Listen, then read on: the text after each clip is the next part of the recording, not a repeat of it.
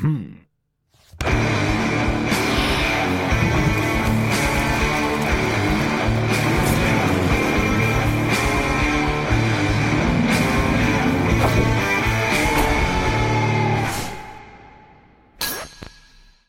Moj slikarski zanos potrajao je oko šest meseci. Sarkazam je izbijao iz mene u sitnim lazovima kao iz širokog tuša. Moj svet i ja zaslužili smo ironiju. Iako sam sve naopako postavio, i onako, sve više, on, i onako svi više vole Michaela Stendala. Jednog dana na ogromnom crnom platnu počnem da slikam najduži tekst koji sam do tada napisao.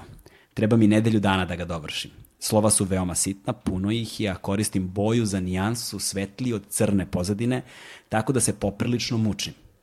Kad završim, naslonim platom na spoljni zid garaže i odmaknem se desetak metara. Predamnom je crni kvadrat na kom se tek iz neposredne blizine razaznaje tekst. Life is a very, very serious thing. I think we should all wear black and not talk to each other at all. That way, we can learn more about ourselves. Also, we should cry more. That way, we wash our eyes so we can see better. Seeing is believing. I believe we should stop smiling. It gets on other, it's get, it gets on other normal people's nerves. Maybe we should sleep all the time, but not dream. Dreams are so last week. Otherwise, I am okay. I onda se poglavlje nastavlja, ali ja ću ovde da ga završim. I dopao mi se taj moment sa time da ne bi trebalo da se smejemo. Jer naziv ovog podcasta je Agelast od grčkog glagola agelastos, što znači ne smejati se, odnosno mm -hmm. agelast je čovek koji se ne smeje. Nikada. Sada to može da ima puno različitih značenja, ali meni je važno zato što me vezuje za jednu vrlo specifičnu životnu epizodu koja me je u korenu promenila a koja je opet u vezi sa jednim drugim pogledom koje sam, kojom smo malo pregovorili uh mhm. -huh. kada sam otišao i morao da saberem svoje misli na neko vreme. Ovo je uh, roman autobiografski roman 9 uh, sa ilustrovanim pričama, dakle pun je ilustracija veoma dobrih različitih uh, dizajnera, među kojima i dizajner koji je uradio uvodnu špicu za ovaj podcast kojeg sam upoznao zahvaljujući tebi. Upravo ti si mi preporučio Linča i tako smo se Linč i ja upoznali, a dečko Vojin koji snima je Linčov drugar koji je tako preko Linča, eto tih domino efekta jednog kratkog, na izgled neobaveznog razgovora. Slavimire, Uh, dobrodošao. Budite naš. Uh, hvala ti puno što si izdvojio vreme da sedneš ovde sa nama i da uh, budeš u našem domu i radojem se ovom razgovoru. Uh, kakvo je bilo iskustvo pisati svoj prvi roman? Pa van telesno. ja sam to godinama pretumbao u svojoj glavi, razmišljajući da ću ga kad tad napisati, s tim što je ovaj, osnovna ideja bila da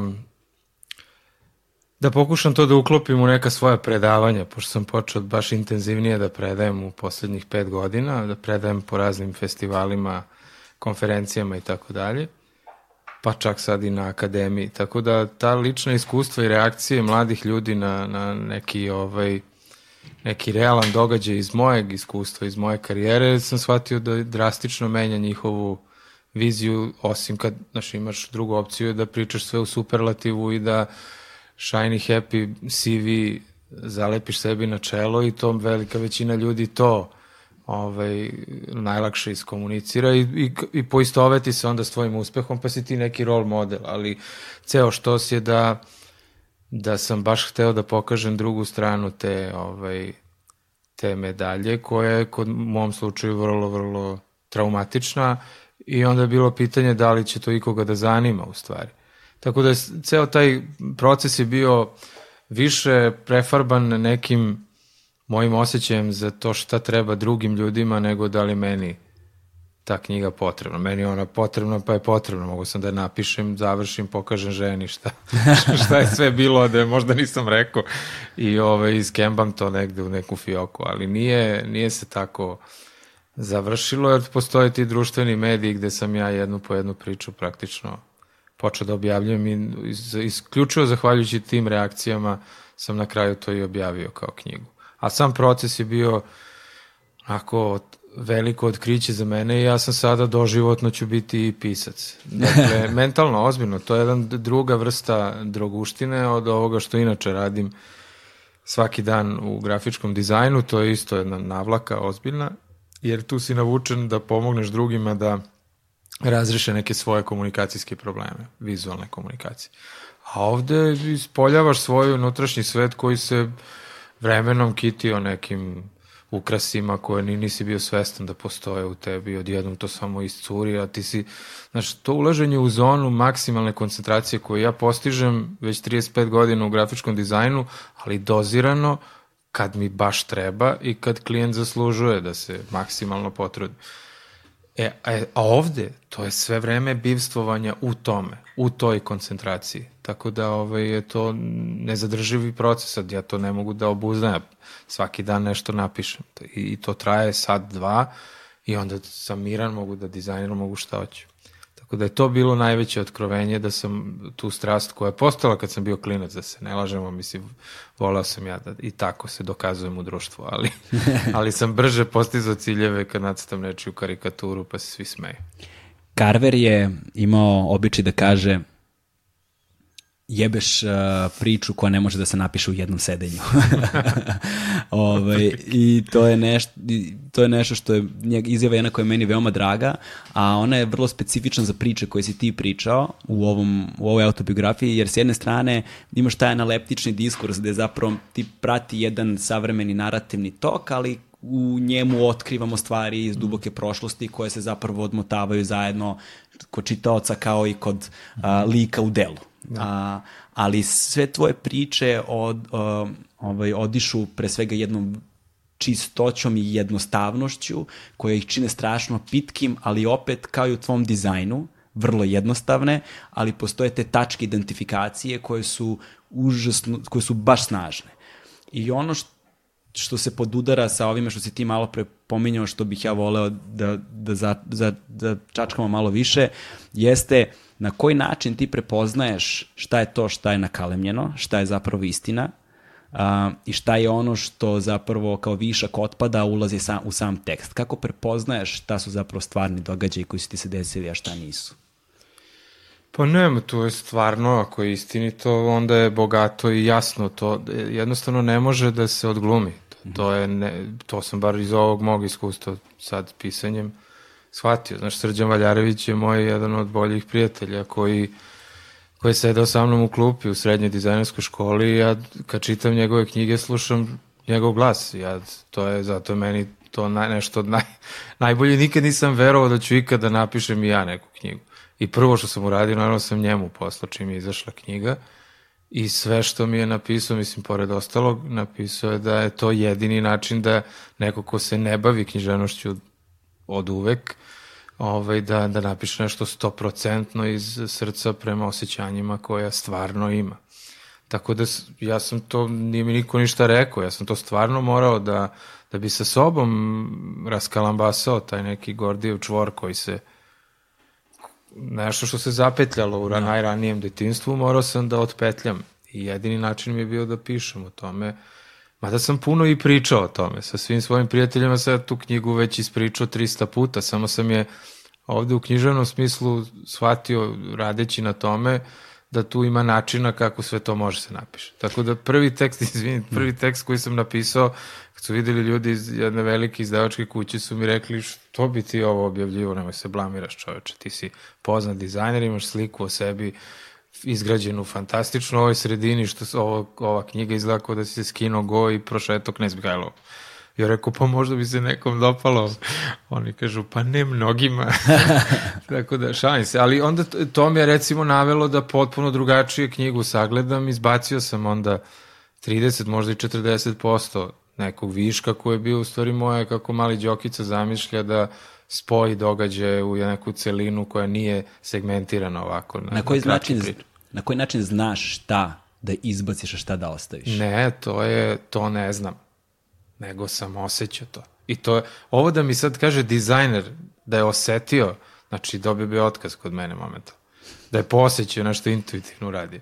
U dizajnu nema, intuicija je jedan soj biber, nije jelo u dizajnu Znači, on je stvarno zavisi koliko si ga posolio i, lepo učinio ukusnim, ali ko kontekst je ono što ti dolazi od klijenta, a ovde je kontekst iz mene i ako ne prepustim potpuno intuiciji da vidim da je dosadno, je, nema neće ovo da čitaju. Ali ja taj dis, e, tu distancu nisam, ne mogu, ne znam, nisam znao to na početku, ali može da pretpostaviš, znaš, ja, ja sam zamislio da knjigu napišem isto kao što radim dizajn, na istom nivou kvaliteta. I onda je to bio pakao, naravno, za mene, za moju porodicu. Svi su trpeli i pati. Ja sam to čitao naglas po ceo dan po kući, to niko nije teo da sluša.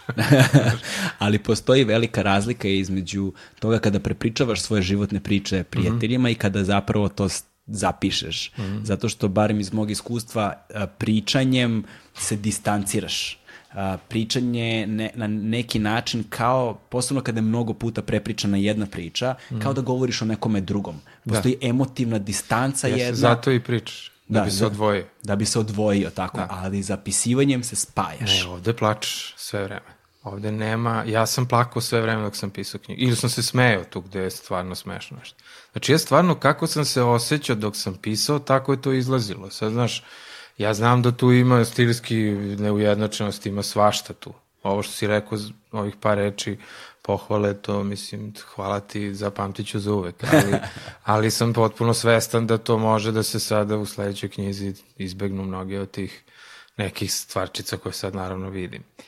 Ali nije, znaš, ono, na kraju mi nije bilo važno, ja sam stvarno veliki pobornik ideje da da je bolje da je završeno i izašlo u svet nego da nikad nije videlo svetlost dana, da je ostalo u meni kao neko bogatstvo unutrašnje koje će jednog dana kad bude ono telo mi secirano pa će tu da, da. će da izađe iz, iz želuca verovatno tako misle ljudi znaš, puno ljudi zakopa u sebi najbolje svoje neke ideje. Tako sam radije da izađe da je završeno pa makar polovično nego da To sa zakopavanjem ideja, pre bih rekao da ideje su samo kolateralna šteta zakopavanja neke drugih stvari zapravo, da, da. jer mi se u suštini u velikoj meri stidimo sami sebe, osjećanje bespomoćnosti, osjećanje stida, prati najogoljenije delove naše, naših ličnosti, naših života i oslobađanje toga neko bi ga naš plati terapija, terapeuta 10 godina, neko sedne i zapiše. Da. Ali to je ono što sam proces pisanja čini teškim mm. i zbog čega je te pisanje vrlo rudarski posao za one koji nisu jeste. probali iskreno da pišu jeste. Selimović je lepo govorio, kaže, kaže postoji više vrsta pisaca, ali oni koji njemu bio najdraži je oni koji ima potrebu da krikne u prostor ono što ga muči. Mm. E sada, a, jasna artikulacija misli a, da bi se nešto zapisalo i načine koji njih hvataš i povezuješ kroz svoj život, čemu ćemo pričati naravno o tome mm. životu, ali još malo stvaralaštvu me zanima, je, je nešto što je meni malo bliskije od vizualnih umetnosti. Mm. Komunikacija vizualnih umetnosti je nešto što kada vidim i prepoznam očara me, ali kada probam da prepričam šta sam doživeo ili video, tu nailazim na veliki problem. Mm. I postoji određena doza jednostavnosti u tvojom, u tvom dizajnu mm -hmm. koja je bolna. Bolna je zato što je toliko jednostavna da svaki put kad vidiš imaš taj aha efekat, ovo sam mogo ja da smislim, ali zapravo nisam. Znači, da. kada bih seo, banalnost je ono, kad god sam probao nešto, izlazilo je strašno banalno. Uh, Na koji način ti, evo sad mi sam kažeš da intuicija kada bi ti neko rekao dobio bi otkaz, na koji način je tvoj kreativni proces u odgovaranju na potrebe klijenta dobio taj završen rezultat kakav smo, mislim, ceo svet imao prilike da vidi? Znaš šta, ja sam odrastao u vreme kada Ovaj... Izvini se, možeš da zatvoriš prozore zbog buka, ono, sa automobili na polu i to sve, brate. E. Izvini. Ništa. E, nastavim. Ja sam odrastao u vreme kada su stvari bile daleko polarizovanije u kulturološkom smislu. Dakle, nije bilo ovaj postmodernistički ovo da preko dana možda slušaš masiva teka uveče na Harisa Džinovića se popneš na sto. Dakle, pritom je Haris još i ono legenda u odnosu na ovaj treš koji nas okruže u tom kulturnom muzičkom smislu. Dakle, nama je bilo jako važno da sve što radimo ispadnemo pametni. Znaš, da ispadneš pametan, šta god radio, da ispadneš pametan. Zato što biti pametan nije značilo da si se obogatio ili nasledio nešto, pa ti kao pametan zbog toga. Ili privlačan ili šta god.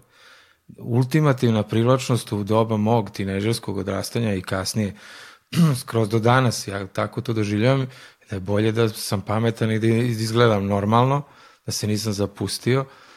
Dakle, to su dve, nemam, nemam treći nešto što bi mogao iz sebe, da iz, osim što možda igram futbal, ok, mislim. Ali to su ti talenti koje, na kojima radiš onda ceo život. Dakle, taj dizajn kako sam ga radio je takav dizajn koji skreće na sebe pažnju ili pažnju i na mene kao autora.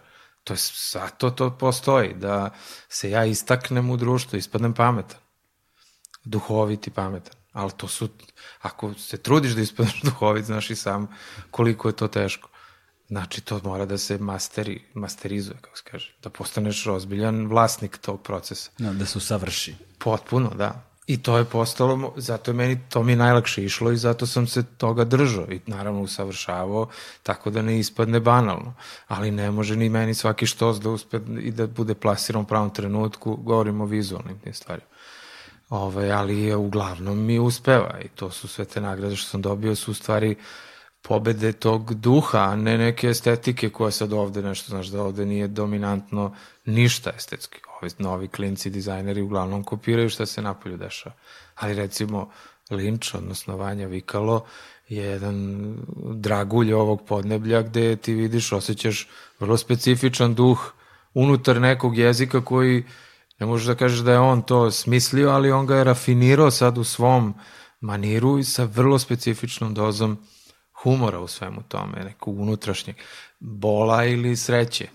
I, I to je ono čemu smo mi ovde vrlo, vrlo skloni. Onda sam ja samo deo toga, tih nekih par ljudi koji, koji nešto su naučili da se izraze kako treba, da te ne bude blam kad to pokažeš na Islandu ili u, u Njujorku, mislim, ili u Japanu ili u Africi. Dakle, da li ti imaš metodologiju u svom procesu stvaranja? Konkretnu neku ono, rutinu, na koji način, kada mi klijent da zadatak, da. ja njega sprovodim u delo.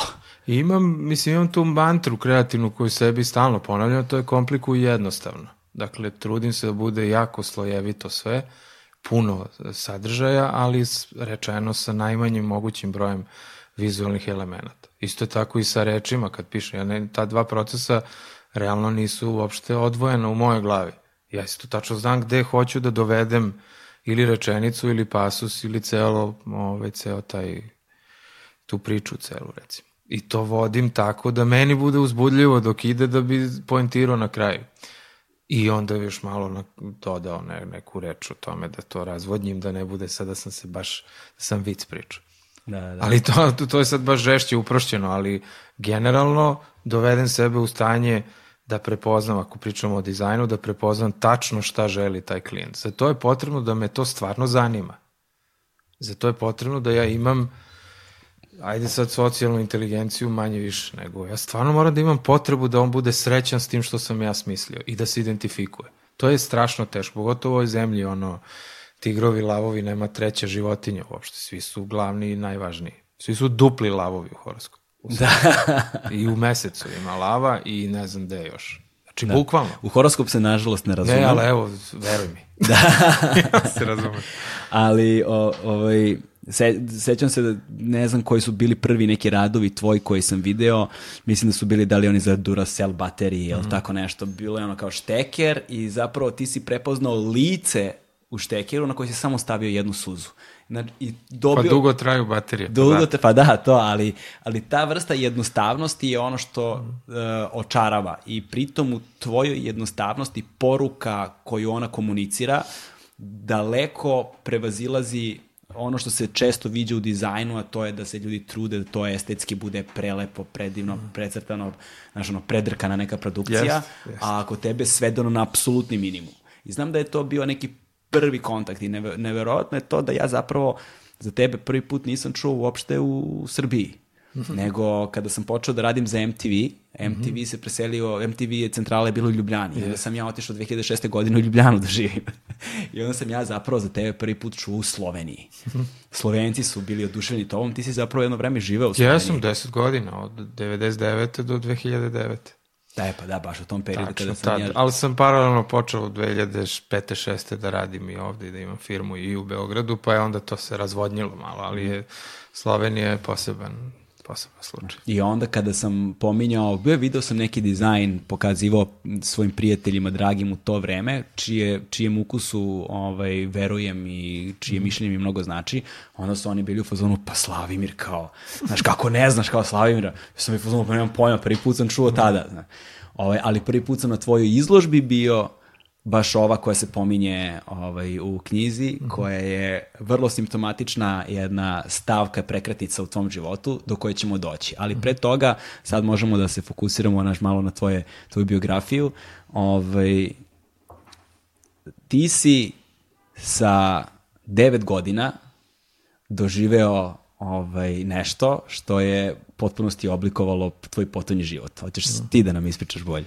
Pa pao sam na futbalu, okliznuo sam se na neku parče leda koje se pored hale pionira, ove ledene dvorane, slučajno je tu bilo i okliznem se i padnem direktno na potiljak i zaboravim celo detinstvo pre toga. Dakle, apsolutno nula sećanja. Ne znam ko su ovi ljudi oko mene kad se probudim i, ovaj, i onda jednostavno uh, prepočnem vremenom, nečega se setim, ali uglavnom se ni, ništa ima rupu celo detinstvo ali ovaj, roman je generalno baziran na tom, na tom događaju i na činjenici da sam 30 godina kasnije dobio dete i ovaj, kroz čije oči i ponašanje i život ja ponovo punim 9 godina koje nisam nikad napunio u stvari. Ja sam zaboravio svojih prvih 9 godina.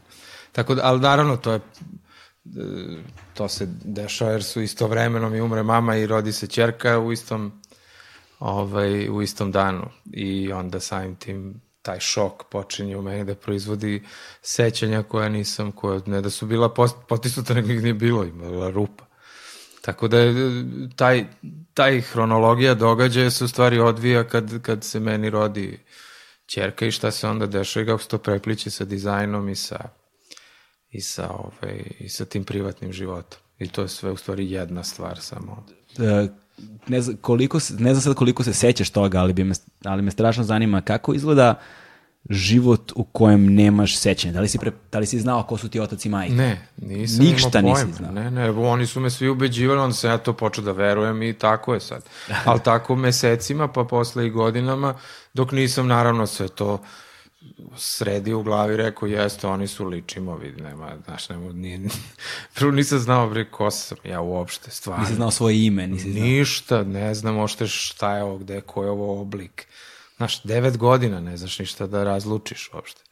Tako da je ovaj, bilo vrlo, jer su me odveli klu- kući ti burazeri i još jedan klinac iz kraja i odneli su me kući tako e, šlogiranog od tog udarca. A sam na kraju završio majka i dete o institutu, ležu tamo. I tu, tu su ustanovili to trajno ovaj, gubitak pamćenja koji se vratio vremenom, naravno, ali kroz to vraćanje je bilo gomila nekih stresova zbog kojih sam hteo i da ga potisnem. Tako da je sve to lepo zapisano u knjizi.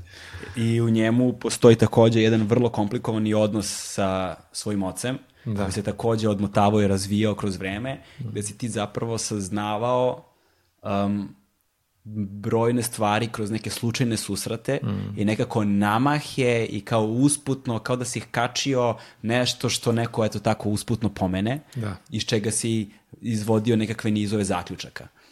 Ali e, tvoj, tvoje profesionalno usavršavanje u svetu dizajna, u kom trenutku ti počinješ da primećuješ da si dobar u tome što radiš? Pa znaš šta, ja sam imao potrebu stvarno da skrenem pažnju na sebe. Tu se desilo to da, da sam ovaj, imao i imam još uvek mlađeg brata i tu sad ima, da ne prepričavam ceo roman, naravno, a, ideja je da, mislim ideja, smisao mojeg celog bavljanja bilo čim kreativno je bilo da skrenem pažnju na sebe. I da tako kroz to dobijem neku dozu neophodne ljubavi koja bi mi bila gorivo za bilo koju drugu aktivnost u životu. Tako da sam se, pošto nije to išlo tako jednostavno, onda sam se jako koncentrisao.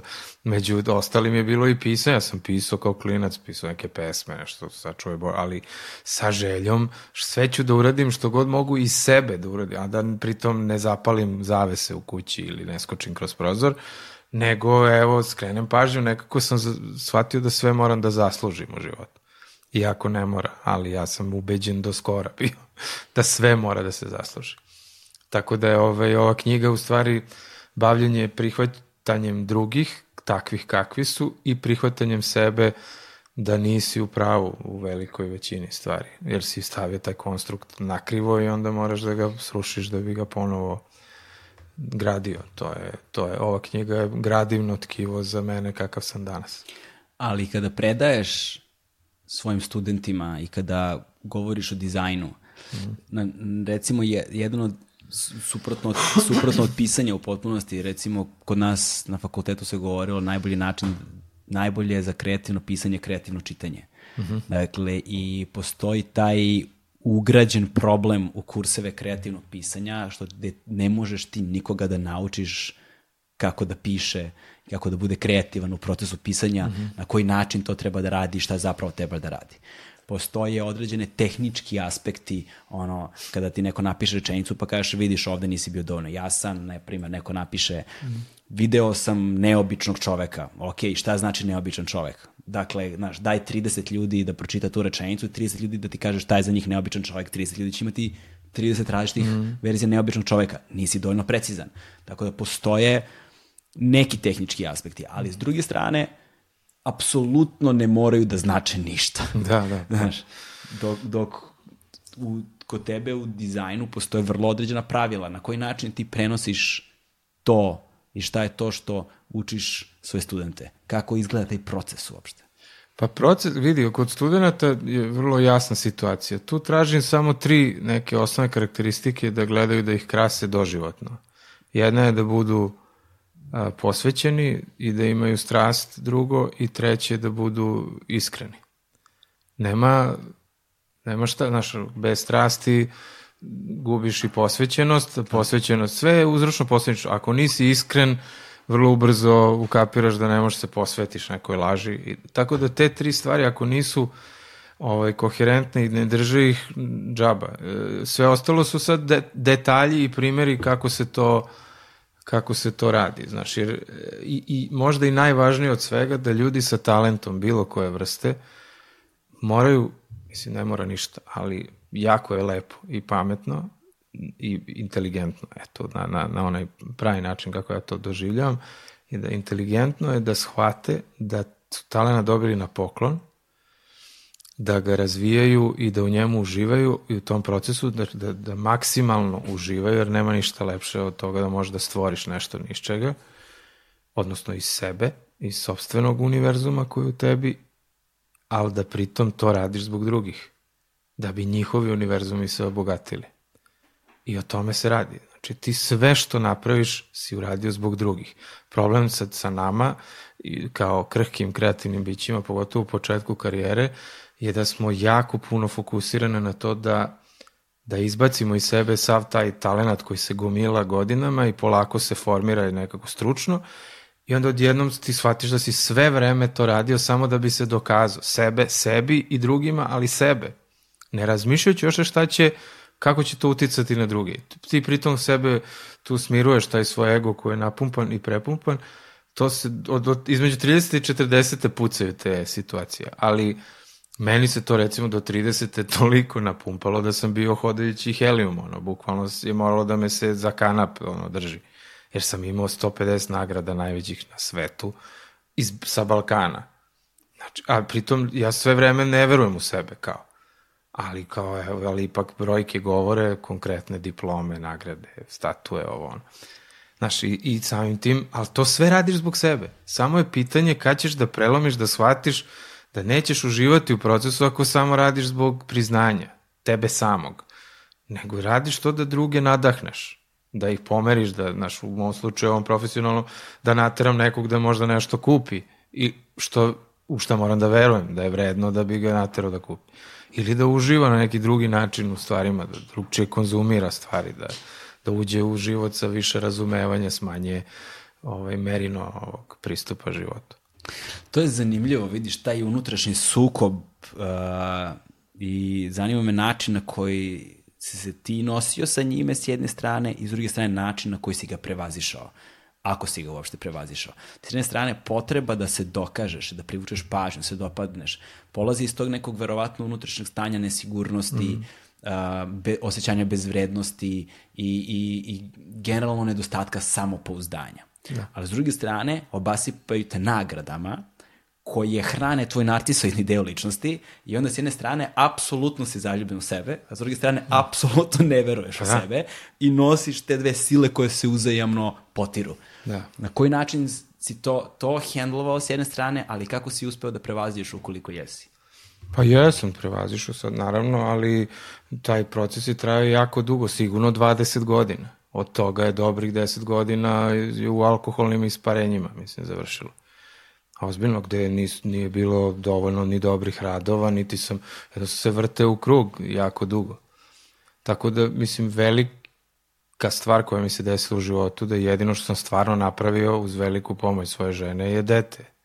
I odatle se potpuno drug, promenio mi se ugao gledanja na sebe i na ostatak sveta. Tako da sam imao ovaj, vrlo jasnu poruku od univerzuma kad se dete rodilo da, da sklonim sa sebe više fokus. Da li si se suočavao sa depresijom? Pa naravno da jesam. Mislim, sad zavisi u kom obliku, što sam ja kod teta doktorki raznih za to. Mislim, psihoterapija mi je bila vrlo, to je svake nedelje bar jednom bilo u dugom periodu života, tako kod raznih i vrlo kvalitetnih ljudi, koji su mi jako, jako pomogli. Tako da nije sad, ove, nije prošlo bez tog uh, žešće introspekcije i bez vrlo dubokih padova. To su, mislim, to u knjizi nije ni, ni blizu opisano kako je bilo stvarno.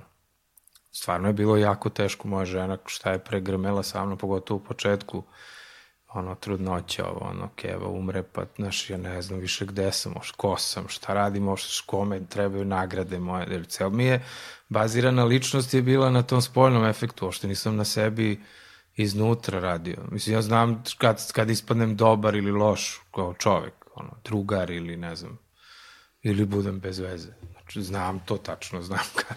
Ali da ja sad to nešto korigujem pa da prema tome podnem, nije bilo šanse, znaš, mnogo sam bio u, u epicentru samom sebi. I čim sam se izmestio iz tog, bukvalno samo izlaženje iz epicentra, onda je dete zauzelo to mesto, ali dete suštinski isto ovaj, sad recimo ne zauzima fokus te vrste da bi sa mnom nešto da bi meni sa to pomoglo, nego je to prihvatio sam drugčiji život jednostavno i sve je sad normalnije.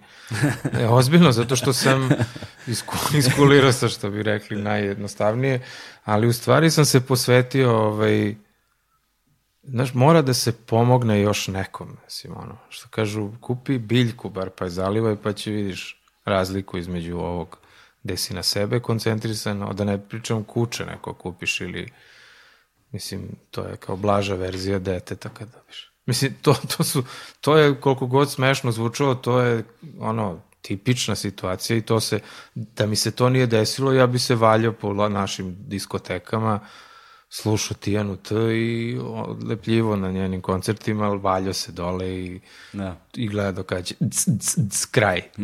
I onda gde još ima sad sledeće, u 7, u 8, u 11. Znaš, ja sam tako živeo. After za afterom. Pa da, da. Žurka nikad tražeći nije gotova. Opet, da, da, tražeći neki opet novi, ne znam šta više. More of the same. Pa da. da. Nagomilavanje. Vrlo mi je zanimljivo to zato što da ne zvučim pretenciozno, ali postoji baš dosta tačaka podudaranja mesta gde mm. se sam prepoznajem. Ja se upravo nalazim u toj fazi između 30 i 40. na onoj drugoj polovini, ono, na drugom kraju 30-ih. Ovaj, skoro sam ja dobio čerku, mhm. -huh. ovaj, zahvaljujući svojoj dragoj ženi. ali, teško je sam. Da, ali, i, da, i vrlo teško, moram da priznam. Ali s druge strane, takođe, a, u mom slučaju, moj posao i u velikoj meri je bio učbenički primer skrivanja na otvorenom. Ja sam počeo da se eksponiram zato što mi je bila potrebna potvrda samog sebe u spolježnoj sredini. Bilo mi je neophodno da mi drugi govore koliko sam do jaja. Da, pa da. Ne, ovaj, s vre- vremenom, naravno, na gubljenje anonimnosti na, neću da kažem slavu, daleko od toga, ali na to, na činjenicu da, da, da te ljudi znaju, sasvim drugačije gledaš kako vreme odmiče mm. i u ovom trenutku sve važnije postaje to šta imamo da pokažemo, šta imamo da damo, da li neko može da profitira nekako iz toga. A da opet mi na neki način budemo zadovoljni. I još uvek se borim ja tu sa nekim stvarima ovaj, i vrlo mi je poznato i to sa alkoholnim isparenjima i sa time kako se juri after za afterom, jer prosto, um, kako kaže moja prijateljica, lakše mi je bre da držim, uh, mogu duže da držim dah pod vodom nego budem sama na gajbi. Ove, To i treba je, se a, vežba. Da, a s druge strane, a, nekako postoji, posebno sad sa društvenim mrežama, taj imperativ sreće. Znaš, kao što si ti malo pregovorio na početku o tome da tvoj CV bude napucan, da tvoje nagrade budu u prvom planu, da ti dolaziš sa širokim osmehom i da ono, kupiš publiku, da ih fasciniraš, ono, s jedne strane, ali to izuzima tu ljudsku dimenziju, izuzima činjenicu da mi svi živimo zapravo ljudske živote koji su ispunjeni i problemima i a, sumnjama i a, padovima i da zapravo a, način na koji mi uspevamo da pobedimo sami sobstvene slabosti na tom putovanju je ono što nas uzdiže.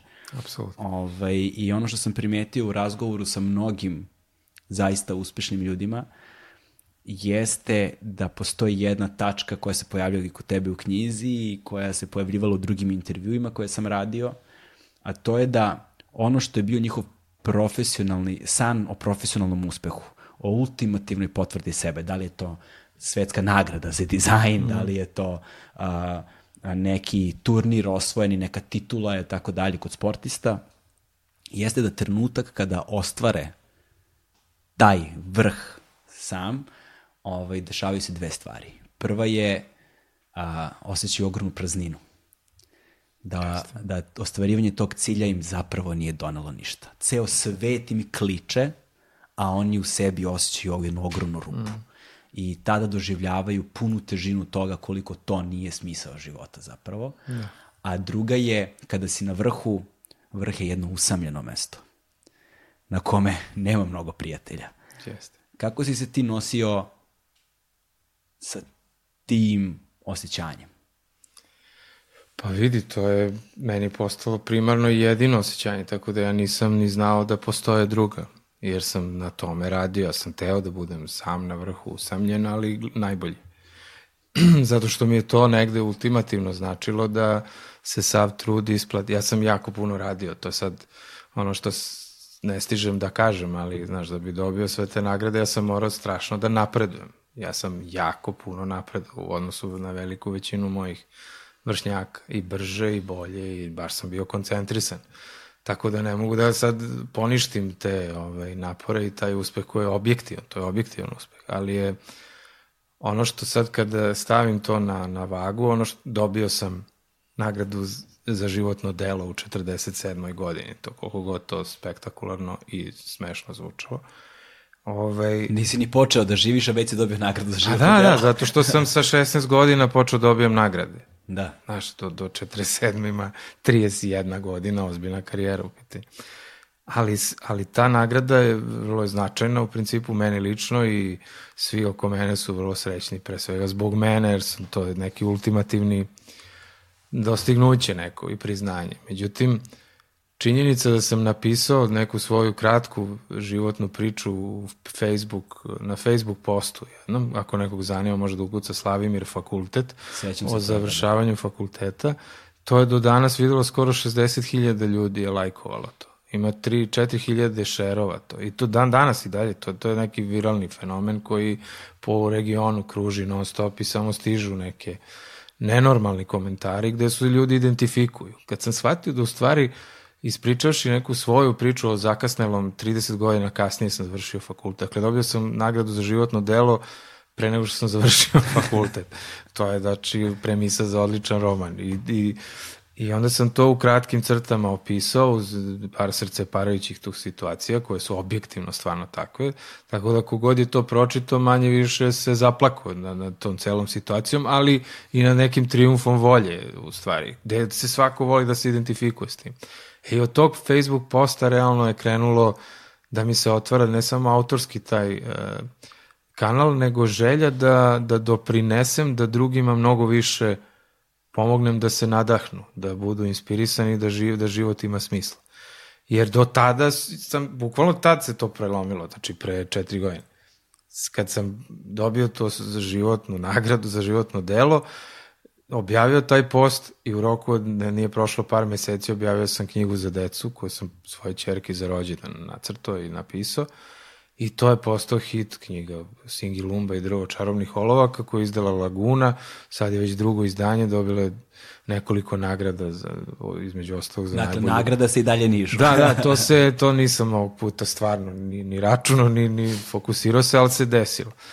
I, ove, I onda iz te knjige u stvari proizašlo, ja sad napisao sam ih deset umeđu vremenu dečijih i crtam sad drugu, i rascrtao sam još tih deset, ali to, mislim da to treba stvarno ozbiljna koncentracija. Međutim, da ti oblikuješ estetiku i misleni proces kod dece od 3 do 7, 8 godina, to je tolika privilegija jedna, jer samim tim i misleni pater neki kod roditelja oblikuješ, i ti vidiš šta, šta ja dobijam, kakve komentare roditelja koji to čitaju svoje deci, pa mi šalju fotke i to.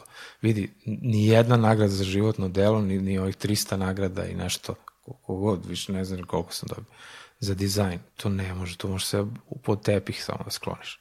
U odnosu na ovo šta znači ili komentar na ovaj autobiografski roman. Znači, to su, to su stvari koje ljude ozbiljno iz korena pomeraju. Ovo za Duracell plus baterije duhovito je, neko zapamti, kaže, on je genijalac, super, zna da smisli i u tom momentu je dobio iskricu neke moje unutrašnjeg nekog sticaja okolnosti kreativnih i taj klijent je benefit imao toga, pogotovo u imidžu i to je bila do tada neka super kombinacija. U, mo, u mom konstruktu, još dobiješ neke parice, živi se vrlo solidno od toga, ne mi sad nešto prebogato, ali no, lepo se živi ako si među boljima I to je to, ali to realno nije ni 2% od mojih sposobnosti kreativnih. E, tu se otvorilo tek u 47. 8. godini kad sam tu knjigu ovaj, deči objavio, pa sad ovu i tu se sad otvara sve ovo, zato što zato što ove izložbe o kojoj si pričao You are an idiot, please act accordingly, koja je bila 2013. ja mislim. Tako je, 2013. znam zato što sam ja u, jan, u januaru 2014. doživeo Ćao, nervni slom. Pa da, imao sam baš nervni slom. Imao sam zapravo i napad panike koji je prethodio mm. tome. Ovaj, I onda sam morao da odem i onda sam do juna meseca nisam bio tu, Eto, a pre toga je bila ta izložba. Da. Da se tako sećam. e, ali viš, ali te izložbe su tada bile, kad nisu u kontekstu autorstva, nego u kontekstu je da vidite šta ja još znam. Ne, a ne da vidite šta vi možete iz ovoga da izvučete. Ti računaš, izvući će oni ako hoće nešto, ali oni nisu motiv zbog koga to radiš. E, kod ove knjige Singi Lumbe i ovoga, što sam pisao autobiografiju, tu, tu je motiv osnovni da ti drugi ljudi nešto povuku iz toga. Ali veruj mi, za to je isključivo kriv taj post Slavimir Fakultet na Facebooku, da. jer sam video šta to znači nekim ljudima. Da li su to ljudi bistri ili manje bistri, nije važno uopšte, ne znam koji su. Uopšte. Da ne bude da svi samo pljuju društvene mreže, donose nešto dobro. Pa meni je ovo pomoglo strašno. Ovaj, hajde onda da, da sada da se fokusiramo te dve stvari malo. Prva je, otkud taj fakultet u ono 40 i kojoj 47. godini završavanje fakulteta, mm. posle svih tih životnih uspeha, posle nagrade za životno delo, bok te. Da, da. Pa ne... Šta, šta je to što diploma imala, što ništa, što ništa drugo u životu nije imala? Da. Pa upisao sam ga na vreme posle srednje škole i ove, bio sam među boljim studentima, dobio sam neke studentske svetske nagrade tamo na ovoj našoj akademiji, međutim 92 je uveliko krenulo raspadanje ovaj, Jugoslavije. Ja sam tad završavao četvrtu godinu I otvorila mi se prilika da tog leta odem kod ujaka u Švedsku koji tamo živi, radi kao automehaničar, ono, u Volvo otprilike.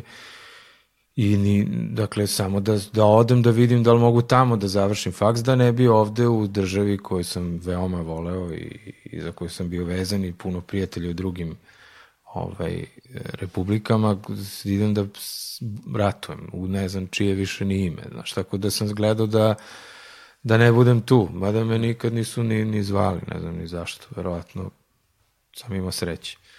Ovo što se mobilizacije tiče. Da, I onda, da. sam, onda sam tamo otišao, primljen sam bio momentalno, na osnovu portfolija studentskog, taj profesor Hans Christer Eriksson mi je inače zarotirao mozak skroz sa ovog balkanskog mulja našeg, ali bogatog humusno trž, ono, tlo za, za humor i za to što smo satiričari ozbiljni. E, on mi je rekao, to što imaš taj humus balkanski, samo stavi u formu skandinavskog dizajna, pa probaj. I on se na to probao, radio godinama i uspeo na kraju. I to, to je u stvari, ako hoćeš u dve rečenice, objasniš što sam ja uradio. Povezao sam balkansko nasledđe i ovaj kontekst i sa, sa formom Skandinavije, minimalizmom i to. E, onda se desilo da su uveli sankcije protiv Jugoslaviji da ja nisam mogao da nastavim studije tamo. Jednostavno su mi one mogućene. Nisam mogao da dobijem produžetak vize i to da studiram. I onda sam popizdeo to. to. Sam rekao, ovo me uopšte ne interesuje. Dobijem nagrade, najbolji sam tamo na faksu, ubedljivo to, ja sam se stalno merio nešto. I ko sa kako da me odavde izbaci bilo ko. Da, da. On ti izbaci zbog pasoša. Ne kaže ti marš napolje, nego samo kaže ne možeš da studiraš više. Sva banalnost života oslikana u jednoj situaciji. Bukvalno. Absurd težak. I onda, I onda mi ovaj profesor Erikson kaže ne ideš ti nigde, ne vraćaš se tamo dole, nego ostani ti ovde na crno i dolazi na časove, studiraj do kraja godinu i sve, ja sam stvarno to uradio i tad sam najviše naučio.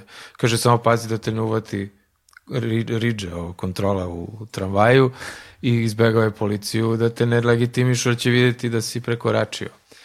I ovaj, onda kad sam završio tu godinu bez papira, da sam završio, ali vratim se nazad, ovaj mi lupa na vide da nisam normalan, ja sam prekoračio 8 meseci vizu. Lupe mi crveni pečat neki. Zabranu. Ne, možeš se vraćaš ovde više nikad. I dođem u Beograd, počnem da radim u Saču i za dve godine dobijem najveću nagradu u Evropi, Epika se zove, koja se dodeljuje svake godine u drugom glavnom gradu, te godine u Štokholmu. I ja uzmem, napijem se ko životinja i spalim pasoš ritualno pred ortacima i kao napravim se da sam ga izgubio. Pošto sam bio besan ljud, sve, ne mogu sad da idem da dobijem, da primim, razumeš, ne mogu da odem na dodelu Oscara za dizajn.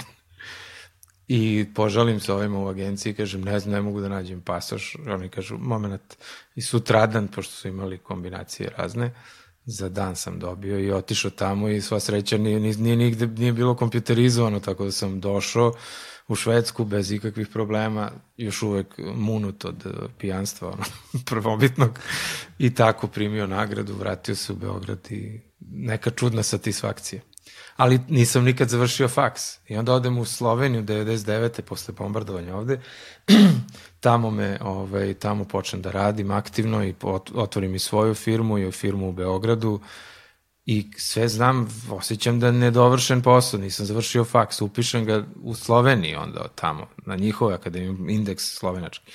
Prime me, ja krenem na predavanja, vidim, nema šanse da od, odslušam to, da radim, ne vredi, nemam kad vratim se u Beograd, upišem ponovo, Keva umre. I onda kažem, de sad, ne, tek, nema, tek sad motiva. Moji roditelji inače nisu ništa završili fakultete, jer su mene dobili u 19. godini. Kad su ih upisali, dobiju mene i ćao fakulteti, napuste ovo.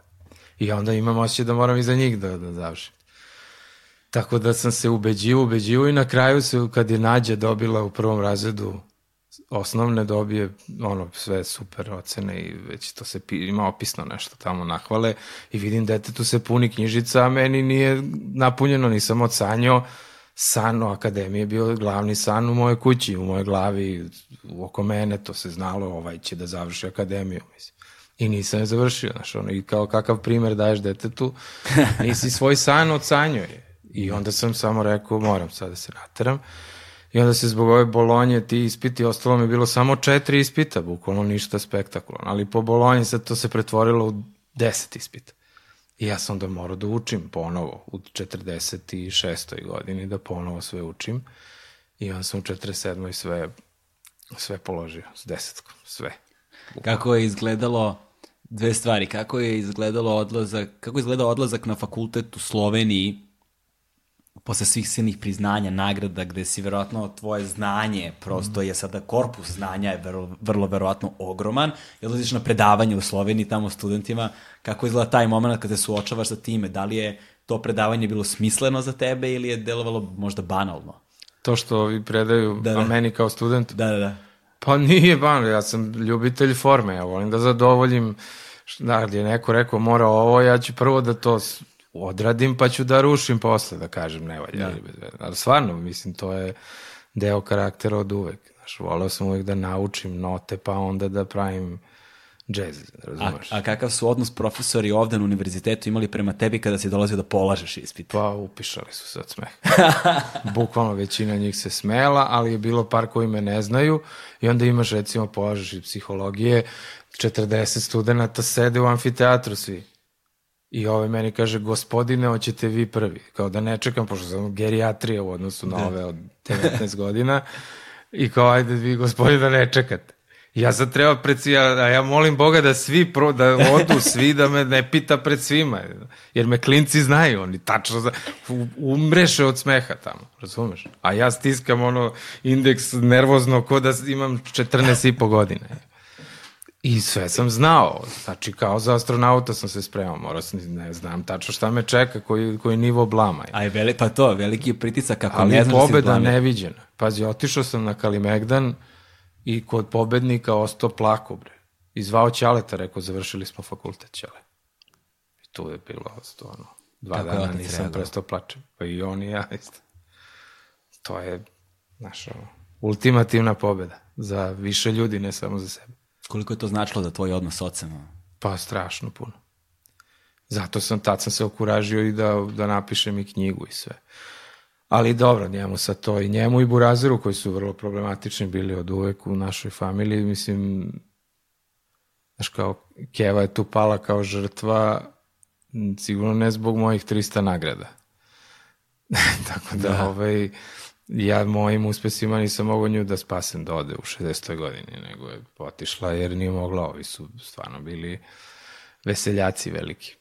Ali opet i, znaš, nije znala se izbori s tim, nije tela ni da sluša nikog i tako. Tako da svaku svoju sudbinu cepa. Oni su obojica sad su živnuli jer su shvatili da su šta se to sve izdešavalo. Tako da naš odnos je nikad bolji, recimo. Ali za svaki odnos da bi se poboljšao mora neka žrtva da padne. Nažalost, da. U životu tako obično biva. A to knjiga je o tome. Ali razlika između Slavimira višestruko nagrađivanog uh, u svom stremljenju ka zvezdama i beskrajnom uspehu u moru neprekidnih hvala i Slavimira koji se pokazuje ogoljen i pokazuje svoju ljudsku stranu koja onda stvara tačku identifikovanja sa ljudima koji zapravo uživaju u tvojim delima i donosi ti jednu novu životnu dimenziju koja sad već nosi pravu vrednost sa sobom, se desila u jednom vrlo specifičnom trenutku koji ima veze sa onom izložbom u 2013. godini, kada ti zapravo prelaziš iz čoveka iz sveta agencija u, ovaj, u čoveka umetnika, da. da, kažem, da kažemo tako. Ne bih da, ne bih da spojlujem zapravo celu okupnu priču, ali pojenta je u tome, ti si od, osnovao svoju agenciju. Kada si ti osnovao svoju agenciju? Pa prvu ovu u Sloveniji 2003. još. 2003. I ona je rasla. Rasla je i to rapidno i jako uspešno, ali isključivo bazirano na, na kvalitetu, talentu i iskustvu, znanju i tim stvarima, ni malo na kontaktima i ovim biznis uobičajenim kombinacijama kako se to inače svuda u svetu radi, ne samo na Balkanu. Da, Tako znači da nije, nije, nisu u pitanju bratije, nije u pitanju negativna selekcija, nije u pitanju ono... Ne, ne. Ništa, nego isključivo rad. Da, isključivo kvalitet. Međutim, to se pokazalo kao nedovoljno, jednostavno, jer kad je došla kriza ekonomska 2008. 9. i 10. moja agencija koja je bila utemeljena na, na svemu što je što tržište nosi u najkvalitetnijem smislu te reči, čim se tržište poljuljalo, nije bilo više ni jednog mehanizma koji bi zadržalo pad moje ili sličnih agencija, ni moja jedina, mislim, bazirana na tome, ali, ali moja baš bila isključivo na kvalitetu i onda prvo što se napušta je, je image, dizajn, reklama, to, to agencije, klijenti odmah napuštaju to. Kažu to sečemo i ne treba nam sad do daljnjeg. Kad se usta, malo stabilizuje situacija, zvaćemo te. Pa I da. onda sam 14 otkaza morao u jednom danu da dam. Sedam u Beogradu, sedam u Ljubljani. To je bilo najtraumatičnije. Poslovno gledano nešto najgore što može da se ljudima, ako što sam ja, jer ja, kažem, nisam nisam surovi kapitalista i ovaj, onda nis, nije mi to nešto baš bilo da me baš briga, da kažem šta da radimo, tako je. Nisam to mogao tako. Kako izgleda život u kojem, koliko je zapravo teško uručiti 14 otkaza u jednom Koliko si imao zaposlenih za početak? Pa 14. A svi 14 da, da. si, celo, sve si mora... Da, da, ja sam raspustio dve firme i moj život se prekinuo u poslovnom smislu.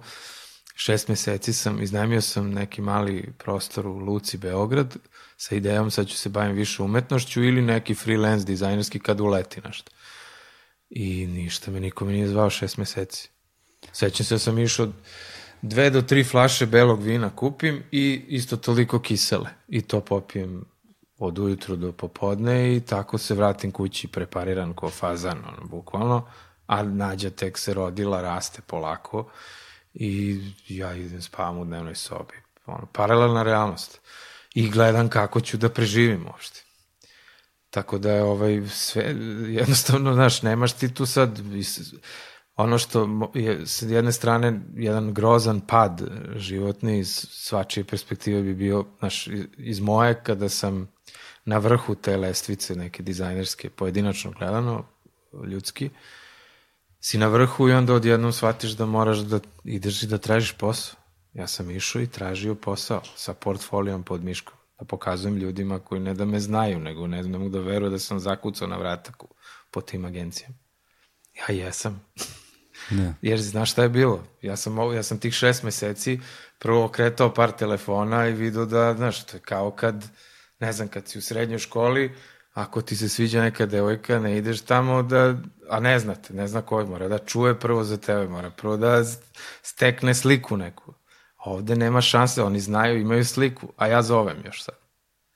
Razumeš, vrlo nezgodna pozicija u smislu želje i potrebe da se sa nekim sarađuje.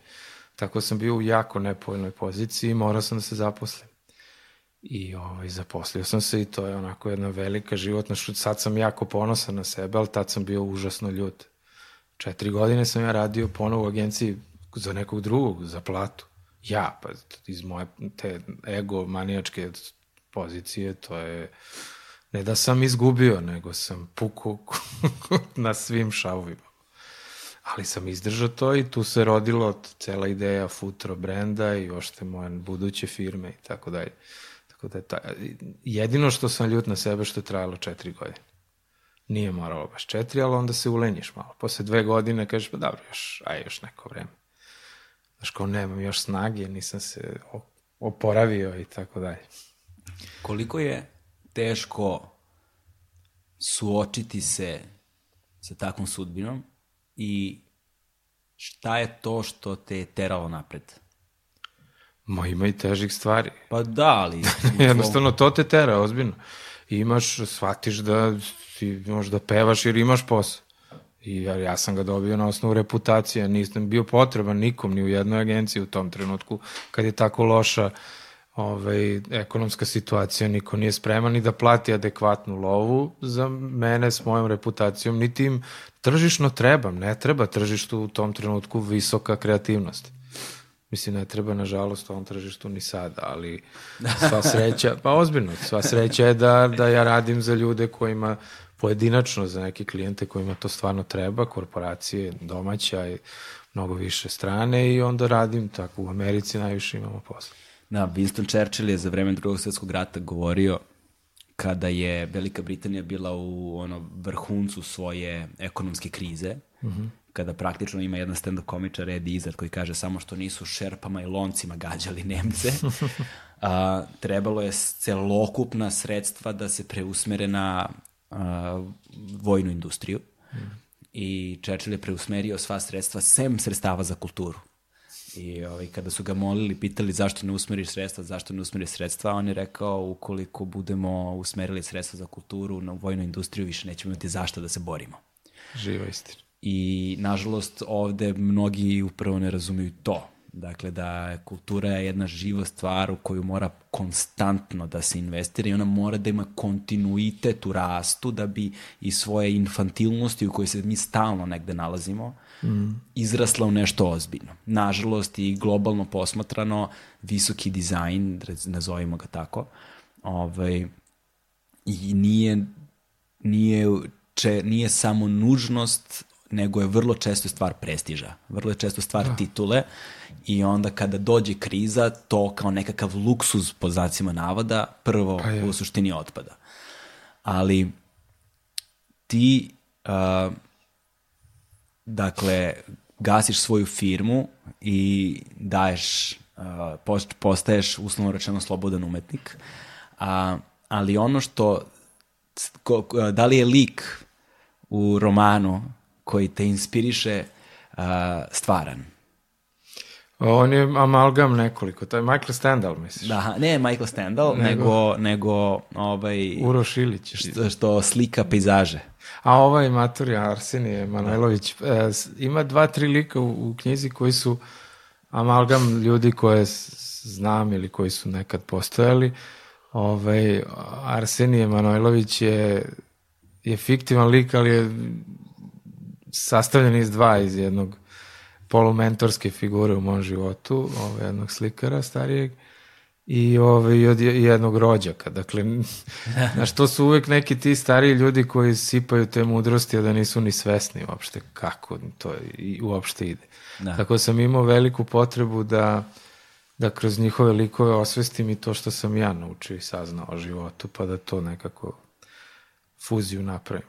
Ali Mislim, tu ima naj, najvažnije to da se živi od umetnosti, ali da nisi za, zaradio ni dinara od nje. Da, da. To, su, to, je, to je nešto na što sam e, najponosniji u knjizi. A, ono što provejava sve vreme tu, ali eskalira sa izložbom i onda je meni to bila ta tačka podudaranja izložba na kojoj sam, jel te, ja bio, dakle na kojoj je meni uh, a, ne znam da sam to već pomenuo, glavni utisak ostavio kada se ulazilo u galeriju, pa se spustiš dole ni stepenice, prva stvar koju vidiš je bio poslovni čovek sa aktan tašom koji gleda na sat, on negde žuri, bokte, ali stoji na stolici, iznad njega je kanap sa omčom da se obesi, koja je bila snažna, onako, na prvu loptu kritika, jel te, korporativnog življenja koje je meni uvek bio pro, bilo problem. Ja sam mhm. relativno skoro dao otkaz u firmi upravo iz sličnih razloga, baš u okolnostima koje možda nisu najpovoljnije, ali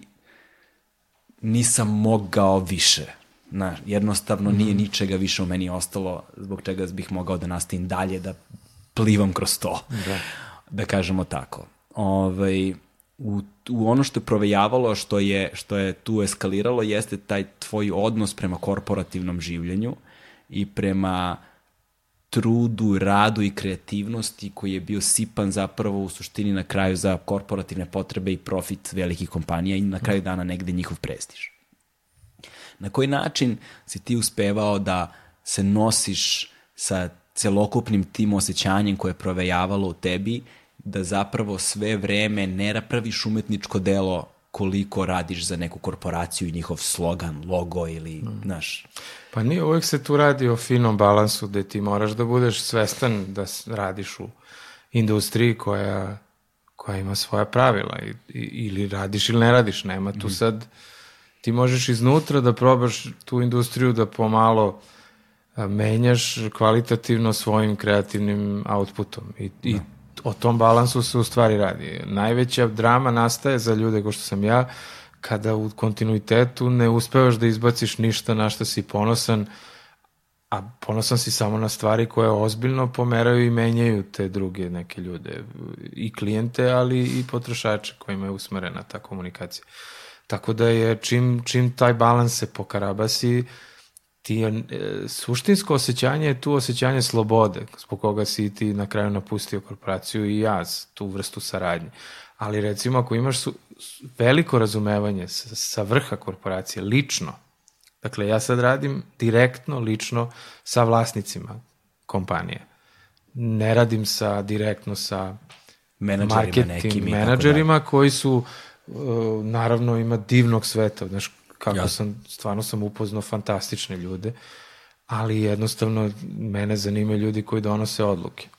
Sad u ovom periodu života imam 51 godinu, ako sad ne radim sa onima koji donose odluke, ne znam baš Kada ćeš? kad ću. Da. Tako da je sad postalo uživanje. Sad mogu da vidim s kim ne mogu, s kim mogu. Onako kad radiš sa middle managementom i ti si onda middle a, ovaj, spoljni saradnik, znači nisi top spoljni saradnik i samim tim si podložan raznim negativnim aspektima saradnje s korporacijom. Dakle, znaš ono, šutirate s jedne na drugu stranu, ko lopta, oni igraju futbal s tobom. Može malo manje zelene, malo više crvene. I da, ili kaže napumpaj ga, vidi ga izduvo se.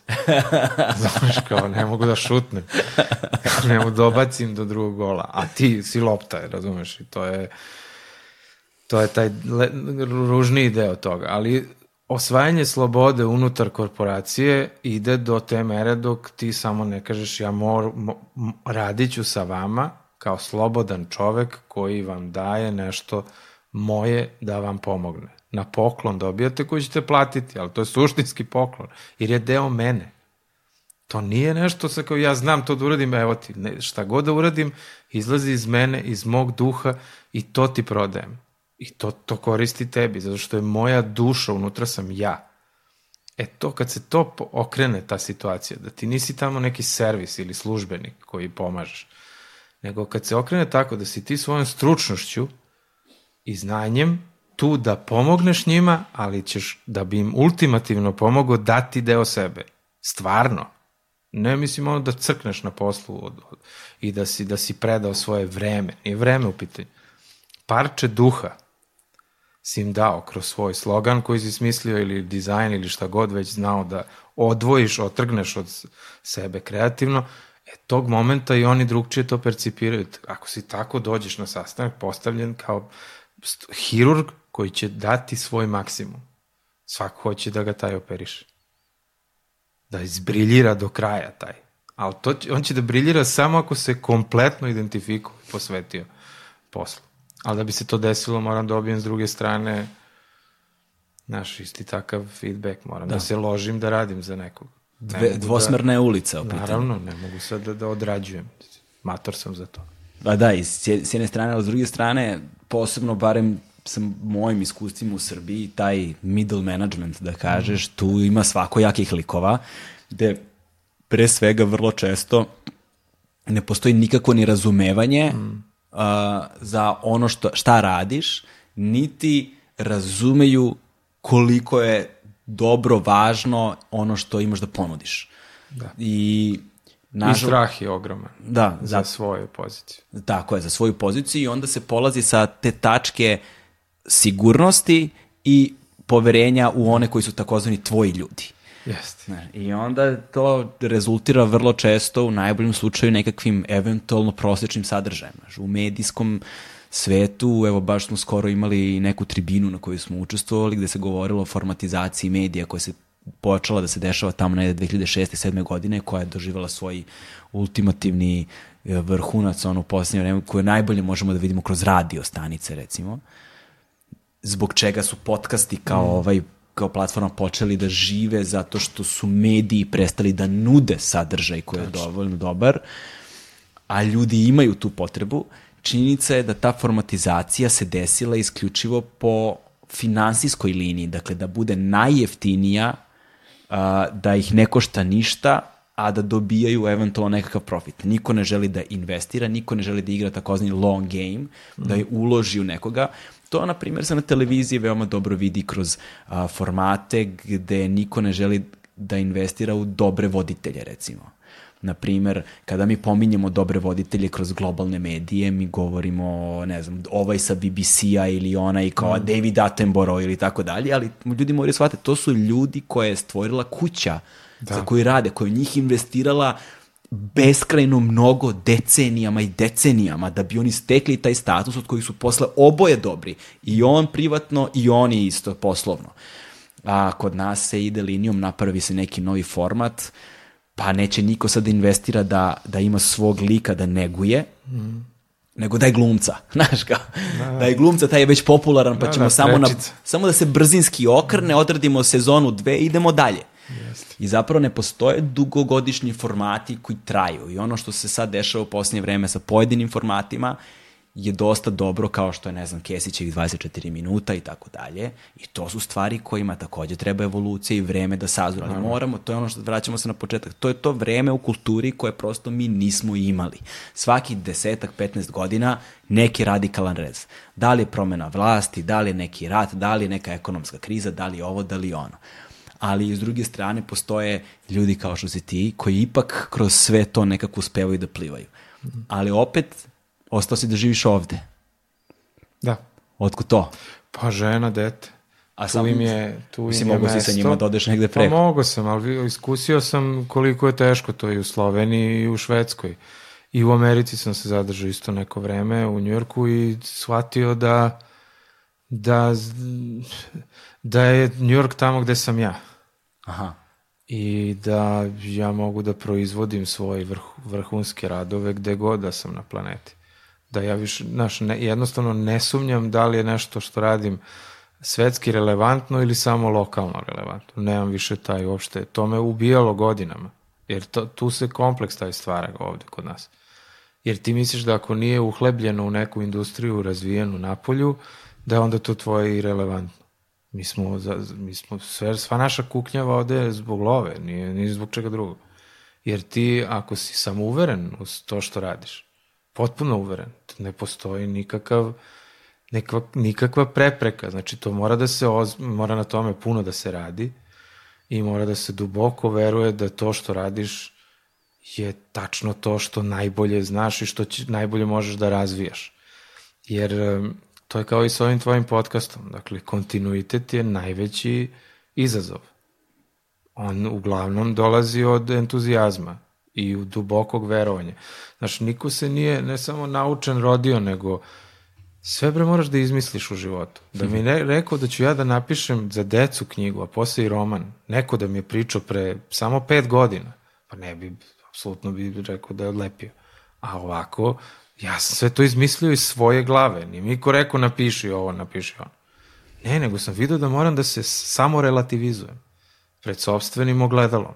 Da uradim nešto značajno sa čim sam posle apsolutno vertikalan čovek.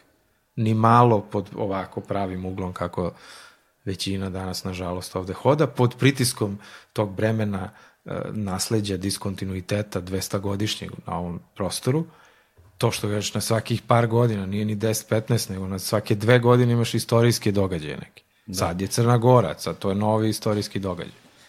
Zoveš, uvek da. se nešto novo izmisli, ali u tom svom procesu ti moraš da znaš u šta suštinski najviše veruješ, a da je deo tebe, jer ovo sve ne možeš da kontroliš ništa. Tako Ima da deo... Svingilumba može bude apsolutno svetski projekat, samo da napravim tih par pa ćemo možda negde da upali nešto. Da, ima deo tih neora, nekoliko neuralgičnih tačaka koje sam primetio posljednjih od 20 godina, barem rada u medijima, jer sam ja veći deo tog vremena radio uglavnom za neke međunarodne velike mreže, mm. medijske, za, da li za Vice, da li za MTV, da li za ove zone. Radio sam i za sijaset nekih privatnih produkcija koje su globalno velike, pa se tu nudili za svakojaki postoje, bilo je neki ponuda za Discovery i za ovo i za ono. Mm. I uvek je postao taj prvi talas, ovaj, neverice, nisam ja dovoljno dobar za to. Oni su tamo neki stranci, neki mnogo veliki, neki mnogo moćniji, a ja sam ovde mali, šta ja znam, šta ja to mogu njima da ponudim što oni već nemaju. Da. To je prvi talas.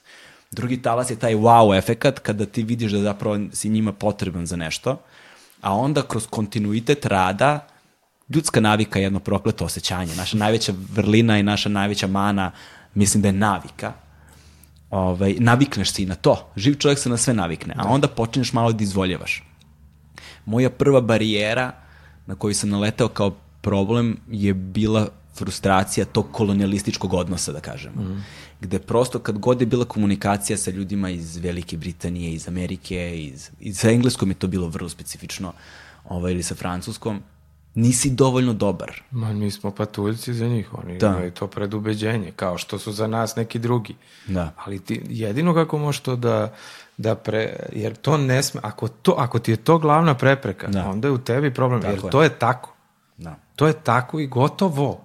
Da. To je isto kao, ka, znaš, ne znam, kao kad e, odeš u Real iz Madrida i, i sad si ti odavde i ako ne daješ golove, vraćaš se ovde. Da, to je. I znači samo daj neki god tamo kad već možeš, ako možeš. Ako ne možeš, daj negde gde možeš. I samo treba da tražiš teren na kome si na kome možeš da briljiraš i da ne shvataš da postoji jedan teren na svetu. Pa I jedini moj ogrom... proboj, moj proboj u tome su se uvijek dešavali, kod mene su obično bili iz besa. Ja uvek kažem ljudima, ukoliko nešto, nečemu niste uspeli, niste bili dovoljno besni. to je negde moja, jer ja imam, jed, znam kao jednu stvar koju neogranično imam je ta ljutnja, to nezadovoljstvo i onda hajde nekako nju da pretvorim u neku konstruktivnu energiju. I onda sam počeo da primećujem onog trenutka kada sam ja počeo da pokazujem stav prema njima, ako neću to da radim ili neću na taj način to da radim, oni su to počinjali da poštuju. I onda su odjedno moje ideje počele da se uvažavaju. I onda počinješ da vidiš da neke ideje koje si ti dao počinju da se sprovode u delo i sad su one emitovane, ne znam, u Švedskoj, u Francuskoj, Japanu, u Latinskoj Americi i u, u Sjednjim američkim državama, pa te zovu odande i imaš opet taj neki bizaran osjećaj mm. gde sve vreme si tu i sve vreme si okružen ljudima koji razmišljaju na sličan način, a onda kao da je nekako kao da je neki san čudan koji se dešava, tamo negde preko bare, paralelno neko nešto gleda i javlja ti se na engleskom ti pišu ljudi. Znaš, da. potpuno jedno bizarno osjećanje, a onda kada se vratiš ponovo na sve ovde, doživljavaš opet iste poraze, jer opet moraš da boriš iste bitke sa ljudima koji razmišljaju na sličan Jeste. način. I, da. Uh, i, I to je bio trenutak kad, kada sam ja shvatio, ok, ne želim više da radim to, hoću da radim svoje. Mm -hmm. Hoću da radim svoje zato što apsolutno sada znam da ne postoji ništa što neko drugi može da ponudi, što, što uh, će biti za mene dovoljno u tom kontekstu. Dakle, uh, prvi put u životu je počelo da se rađa nekako samopouzdanje, da kažeš. Mm -hmm. koje sad se kotrlja malo po malo, znaš, bože moj, da. ali je bolje nego ranije. Ranije nije uopšte. Samo se o tome radi. O stavu koji je potkrepljen objektivnim, tvojim objektivnim znanjem koje si utemeljio u sebi, koje znaš da, hmm. da si okej. Okay. Samo je, znaš, to je ta iskrenost prema sebi, jer mi smo često neiskreni prema sebi kad mislimo da su drugi bolji. Da. Zato što je to lakše. Lakše je da kažeš tamo je bolje, to oni su bolji i tako dalje. Ali kad dođeš tamo, kad doneseš, gde god to išao, od, od Leskovca do e, San Franciska, samo moraš da dođeš negde i da onda ta tvoja samouverenost i koja mora bude plemenita, a ne egomanijačka, ovaj, kada ona počne da osvaja ljude, ti si, to je, to je to, to nosiš svuda sa sobom. O tome se radi, nije, naš, nigde nije bolje. E, to, nigde nije bolje, jer što sam više putovao, to sam više otkrivao bogatstvo na kojem sedimo ovde i ništa sa njime ne radimo. Mm. I recimo to se u kulturi, posebno u estetici, baš odražava poslednjih deseta godina globalnim trendovima kada posmetraš, sad svi polako preuzimaju tu istočnoevropsku estetiku na mnoge načine, čak se i Čirilica prisvaja na ovaj ili ovaj način u dizajnu, I sad odjednom kada ih vidiš, te elemente sa kojima si odrastao, vidiš ih prisutne sad kod nekih tamo stranih velikih, odjednom su oni sad dobri. A nisu ti da. bili dobri poslednjih 30 50 godina dok da. si sedeo na njima ovde. Znači, Što je kontekst, drugo gledanje, drugim očima, oni, njima je to egzotično i tako dalje. Ali kažem ponovo, uh, nigde nije bolje i svuda je bolje sve je stvar lične ovaj, stava i percepcije. Ja mislim da bi mi bilo ugodnije negde drugde da živim i da vaspitam dete negde gde je manje agresije i nervoze i svega što nas ovde okružuje. S druge strane, mi smo izuzetno srećni kao porodica i familija, jer imamo jedni druge i bazirani smo na međuljudskim odnosima. Te međuljudske odnose ne mogu da zamenim nigde gde odem odavde. Znači, hoću kažem, meni je to imperativ, da je da volim svoje okruženje neposredno ljudsko i, i onda sam ovde, dok naravno ne bude nepodnošljivo. Trenutno je ok, radimo projekte u inostranstvu, imam svojih nekoliko ovih projekata o kojima nisam ni sanjao da ću imati autorskih i ja ne znam, šta, znaš, nema šta da traje, predajem na fakultetu, ej čoveč. Znaš, ozbiljno bre, neki klinci... Je bila neophodna diploma za to? Dobro, naravno, završio sam pa sam sad mogu da predajem. Tako klinci imaju šta da čuju i da nauče, a da nemaju osjećaj da im neko popuje ili soli pamet, nego iz ličnog primjera vidiš da to što sam radio ima nivo kao da smo bilo gde u svetu. I kako ja dam primjerom, to je, evo ti plakat izgleda kao na Manhattanu. Mogu ja sad, ima ih klinaca koliko hoćeš koji rade fenomenalno. Ima ovaj dečko, jedan Floating Bastard se zove. Ovaj, to mu je umetničko ime. Ovaj, iz Novog Sada, fenomenalan dizajner. Radi ove plakate i flajere za, za sve moguće po celom svetu. Kao što Tijana T putuje po svetu, tako ovaj za sve radi po celom svetu, radi flajere. Sad je uvršten od Mixmag, su ga uvrstili u najbolje 12 najboljih, on je objektivno najbolji stvar. E, najboljih dizajnera za muziku današnjice. Naš čovjek. Um, kako se tvoje to celoživotno iskustvo i ta promena koju si doneo odražava sada u tvom novom radu u korporativnom okruženju. Znaš, na koji način, da li se nešto u tvom procesu rada i u tvom posmatranju toga promenilo? I dalje dobijaš nagrade i dalje, ali kao, da li je sada slika drugačija? E, ne, slika je uvek adekvatna prema onome što je potrebno klijentu i u estetskom i idejnom smislu. Ja nikad nisam bio neko ko je pratio posebno neke trendove. Trendovi su danas toliko dominantni da se menjaju na godinu, dve dana. Postoji ta platforma koja se zove behance.net na koju su navučeni svi mladi dizajneri današnjice svuda u svetu. I onda se tu ti trendovi gledaju, kopiraju i kao forma jednostavno pri, apliciraju na bilo koju kulturološki specifičnu sredinu. Dakle, imaš sad isto ti izgleda logo za, ne znam, frizera u, u Estoniji, u Zimbabveu ili u Beogradu ili u Njujorku i San Francisku i a Buenos Airesu. Svuda isto izgleda, isto. Još ako se zove isto, verovatno će isto da bude i logo napravljen. Dakle, taj jedan e, otpor prema, prema trendovima je jako važan kod mladih dizajnera da se uspostavi, a jedini način da se to uspostavi je da ne budu da, da svoj rad ne baziraju na estetici, nego na kontekstu, na ideji, i na, na snažno, snažnoj, e, snažnom konceptu koji izlazi iz samog projekta. Znači da ga inspiriše projekat koji nosi sa sobom svoju estetiku. Znači, to sad abstraktno zvuči kad se kaže, ali recimo ako radiš za, ne znam, cipele, e, mora to da dominira, da je, da je taj, ta estetika, ili da namerno promeniš da izgleda kao da je za kašiku i viljušku nešto, a radio si za cipelu pa si tu stvorio neki uh, antagonizam humora nekog, si, tu si nešto postigao. Ali to je samo ako hoćeš, ako ima šaljivu notu ta da. krojačica cipela koja radi, recimo. Ali u principu sve to mora da bude adekvatno i da izlazi prirodno iz toga, ne nasilno da nešto što je sad trend ti lemiš na, na sve onda. Znaš, i onda ti, ti kada otvoriš, gde, gde se to najbolje vidi? Kad pogledaš portfolio tih mlađih generacija, u velikom broju slučajeva vidiš da je to jedan isti rukopis, likovni, što je to danas je kao poželjno i kaže onaj radi u tom fazonu, onaj radi u tom fazonu i onda klijent ide i bira hoću u ovom fazonu logo, daj mi, taj dizajner zna tako da radi. A uopšte se ne radi o tome. Ti moraš da budeš sposoban da uradiš najraznovrsnije ovaj, klijente, jer je toliko je a, ta struka, a, kako se kaže, frekventna da ti na dnevnoj bazi dobiješ po nekoliko projekata. I kako sad da radiš, znači dnevno, da kažemo 700 projekata godišnje, treba da uradiš svakog isto. Pa kako će doći Dva dnevno. Kao. Ali is, u istom maniru estetskom. Ista tipografija, isto malo cvrt, smrt, ovamo, levo, desno, imaš sisteme, to su štosovi samo. Ali ne može, ne, ne održiv si na tržištu onda.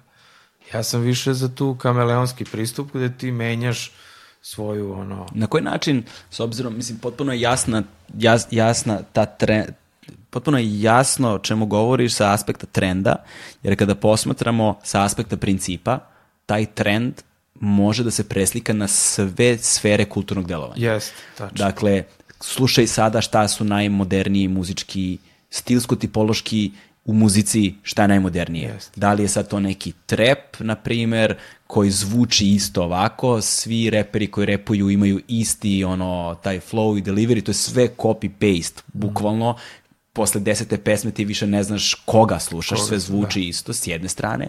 S druge strane, ako posmatramo kinematografiju, ovakvi filmovi su sada popularni, hajde da proizvodimo ovakve serije i ovakve filmove, da li su to super heroji ili, heroji ili je to savremeni ono krimi neki moment. Sad su svi oni copy-paste, likovi su tipski, psihologizacija, karakterizacija, estetika, sve je potpuno isto. Nema nikakvog oneobičavanja u postupku koji ti otežava učitavanje, sve po automatizmu se radi i, i to izobilje uključiš koliko puta ono Netflix i ne znam brate šta da gledam na njemu. Sve mi je isto negde, znaš, nemam odnos prema tim stvarima. E, ali vidi, to je napravljeno tako zato što tržište to diktira. I pošto je to okrenuto prema tržištu i toj konzumerizmu koji, znaš, za 1.99 možeš svašta da dobiješ, onda se svi idu da, da, da popasu taj 1.99 gde god mogu i onda sve zvuči isto. Međutim, šta te platforme donose da uvek ima nešto gde se malo pomeri. Uvek dođe jedan revolucionarniji malo i imaš sad razni. Imaš St. John, imaš ovog Jela Bizija ili imaš ovog novog uh, Da Baby. Znači, to zvuči malo drugačije. To je zavrnuto fino i slušljivije zato što je on lider u svom nekom tom maloj tračici tu i on je pomerio, ali to su, to su sad iz naše, pred moje generacije kad gleda, to su mikropomaci. Znaš, kod nas je bilo na svakih godinu dana te zvekne Boy George ili 80. sad recimo, Da, i da. onda ti se desi Duran Duran, ne mislim sve to kao neki ne znam kakav kvalitet, ali su samo estetski su bile nebo i zemlja razlike, znaš, ne znam, Depeche Mode, pa onda odjednom Nirvana, pa ćeš ovo, pa ćeš ono, sada tih, sad su se svi u mainstreamili, ali unutar svakog od tih mainstreamova, tako isto i za grafički dizajn, ali a zavisi ko, fan, koji si fan čega. Meni su najbolesnije ove kombinacije, naravno, ovi naši, ovi Balkaton, eh, ovi kombinacije sa ubačenim trilerima ovim iz narodne muzike na trap muziku. To je, to je stvarno fantastično. To ne, vidi, to nema koji dođe, da ne dođe stranac i kaže, a, specifika. kao, evo drugačiji, odmah im je to nešto, znaš, oni to gledaju kao etno world music sa, kombinovan sa trapom i njima to slušljivo. A naše konteksta, ja, za mene je to jako teško. A opet s druge strane ima tu momaka i devojaka koji uopšte to ne rade loše u produkcijskom smislu, ali za mene su to nespojive zato što sam imao drugo nasledđe, drugi E pa kontekst. to, da, taj kontekstualizacija, opterećenost tim značenjem, mislim da je u razumevanju kreativnosti prvenstveno, kada govorimo o tim trendovima, s jedne strane oni jesu doneli tu ono, a, kako bismo rekli, uh, uh, standardizaciju, na Da. primjer, svega, da sad sve to izgleda tipski i, i društvene mreže su u velikoj meri to učinile svojim filterima, svojim fontovima, svojim tipologijom, Jeste. gde sad to sve dobija drugačiju vrstu značenja, ali i ta globalizacija tržišta na neki način, tehnološkom dostupnošću svakako, da su sad te kulturne tačke identiteta postale globalne. Dobra stvar svega toga je što su one postale nadjezičke i nadnacionalne u tom kontekstu. Nekada je kulturnu politiku diktirala politika jedne zemlje i bila je ograničena jezikom te zemlje, a sada možeš da imaš četiri klinca sa četiri kontinenta koji se nikada nisu sreli, koji se možda nikada neće sresti, a koji mogu da budu najbolji ortaci. Da. Jer su se sreli u toj kulturnoj tački identiteta u komentarima na nekom spotu ili na YouTube-u ili Yes. na Twitchu, na nekom streamu nekakvih kompjuterskih igrica ili ko zna gde. S tog aspekta je to dobro jer onda postaje zaista ta prva globalna generacija s jedne strane. Ali s druge strane dolazi do te tipizacije da je sad sve to potpuno ravnopravno, ali ono što je nama u kontekstu ovoga što si govorio uh, problematično jeste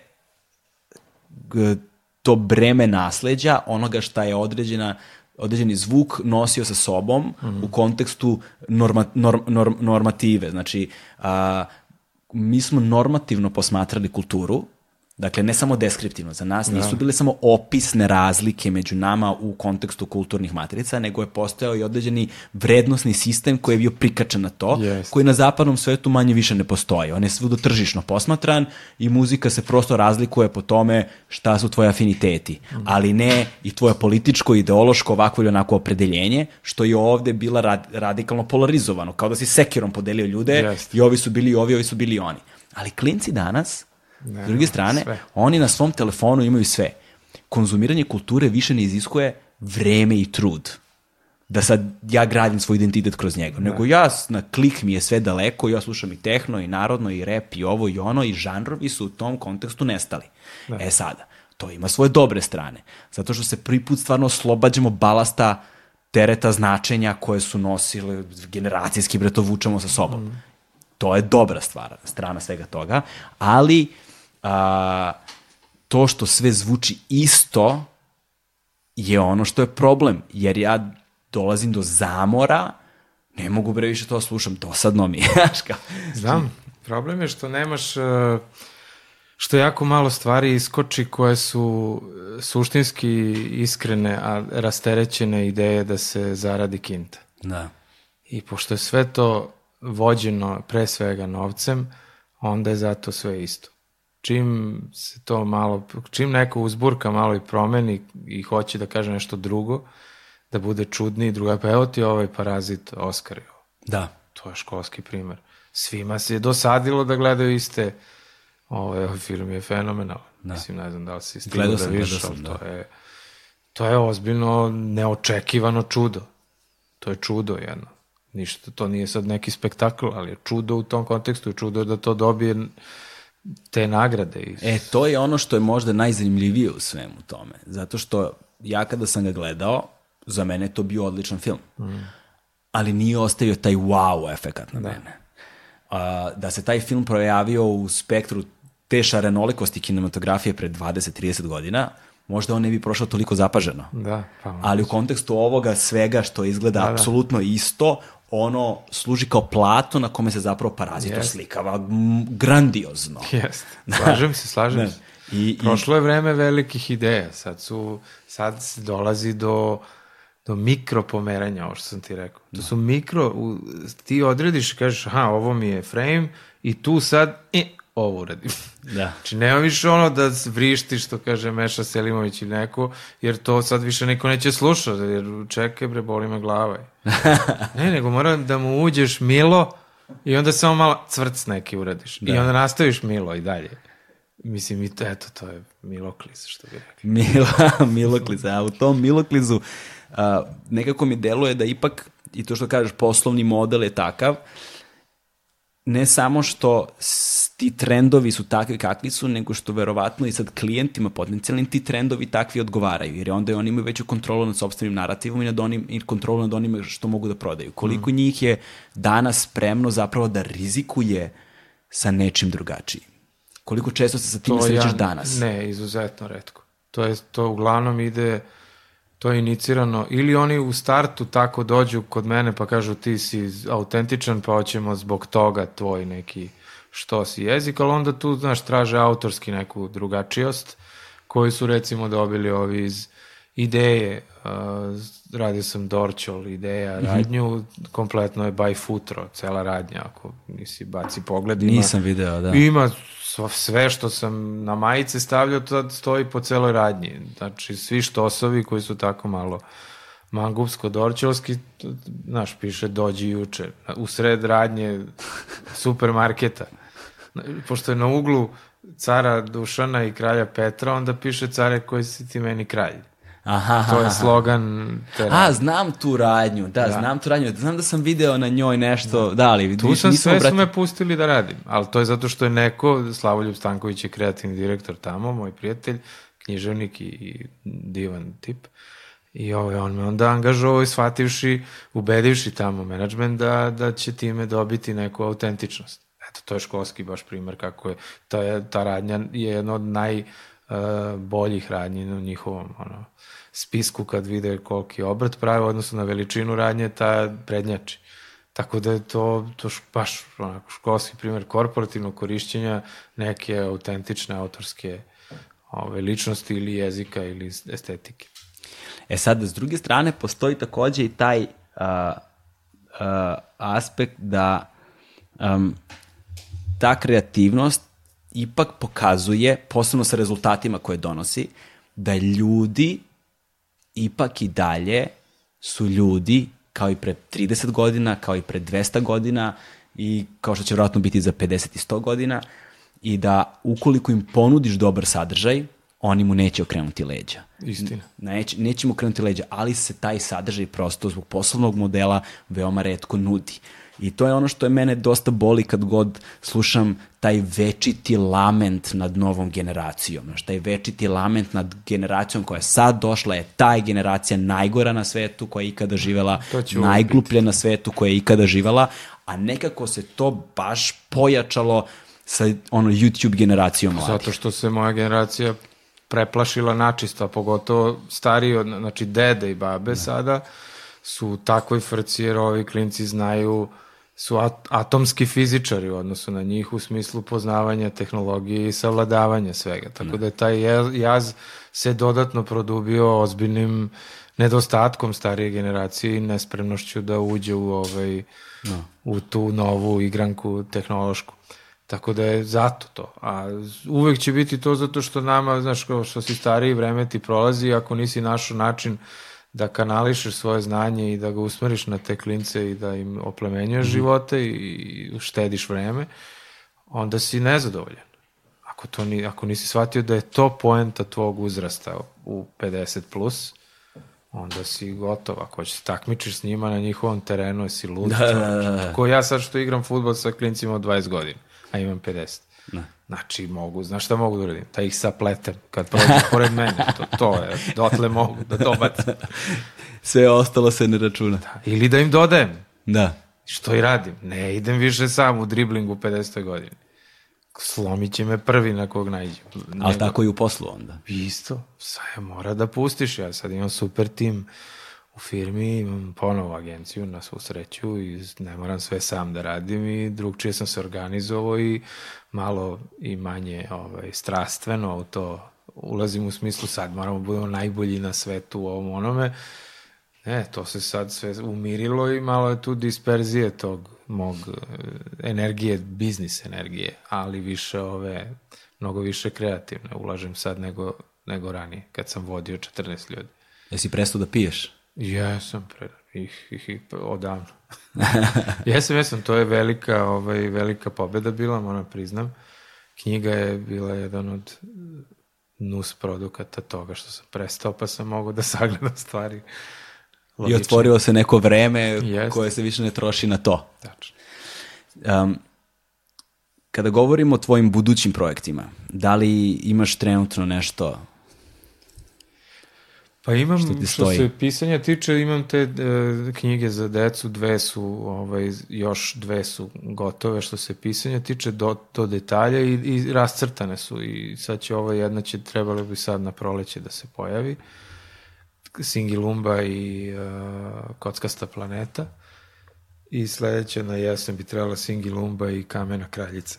Koliko je teško pisati i crtati knjige za decu određenog uzrasta. Pa teže mi je to nego da napišem roman Znaš, za Na koji način se vodiš, koje su ti ono referentne vrednosti i tačke kada kažeš, mislim, meni sada daš, to je jedan od brojnih problema, imam mnogo problema, ali jedan od problema koje imam između ostalog jeste kada treba nešto da svedem na recimo određeni uzrast. Ja uopšte ne mogu da počnem da razumem mm koje su to smernice treba, i šta da. je to što njima treba i na koji način oni vide razmišljaju. Pa evo, gledaj, ja sam to morao da doživim prvo iz svog iskustva, da dete je gledalo e, razno razne crtane filmove koji imaju razne poruke, raznu estetiku, razne šta god već. I uglavnom dominira agresija i neka ružnoća, sve zajedno, tako da je, nešto sve je... Ren and Stimpy i to. Da, kao reakcija na perfektni Disneyev diskurs od 50-ih pa Da. do, do 80-ih, 90-ih i onda je 90-ih krenulo ludilo sa Rugrats i ovi već Da, da.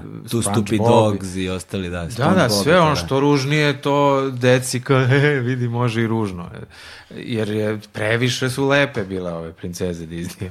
Da. Tako da ja sam onda kad, znaš, crtaš za svoje dete, i ja sad hoću da nacrtam, ne mogu da nacrtam, pošto crtam čerku, ona je glavni lik, ona je Singi Lumba u ovom. Inače se Nađa zove.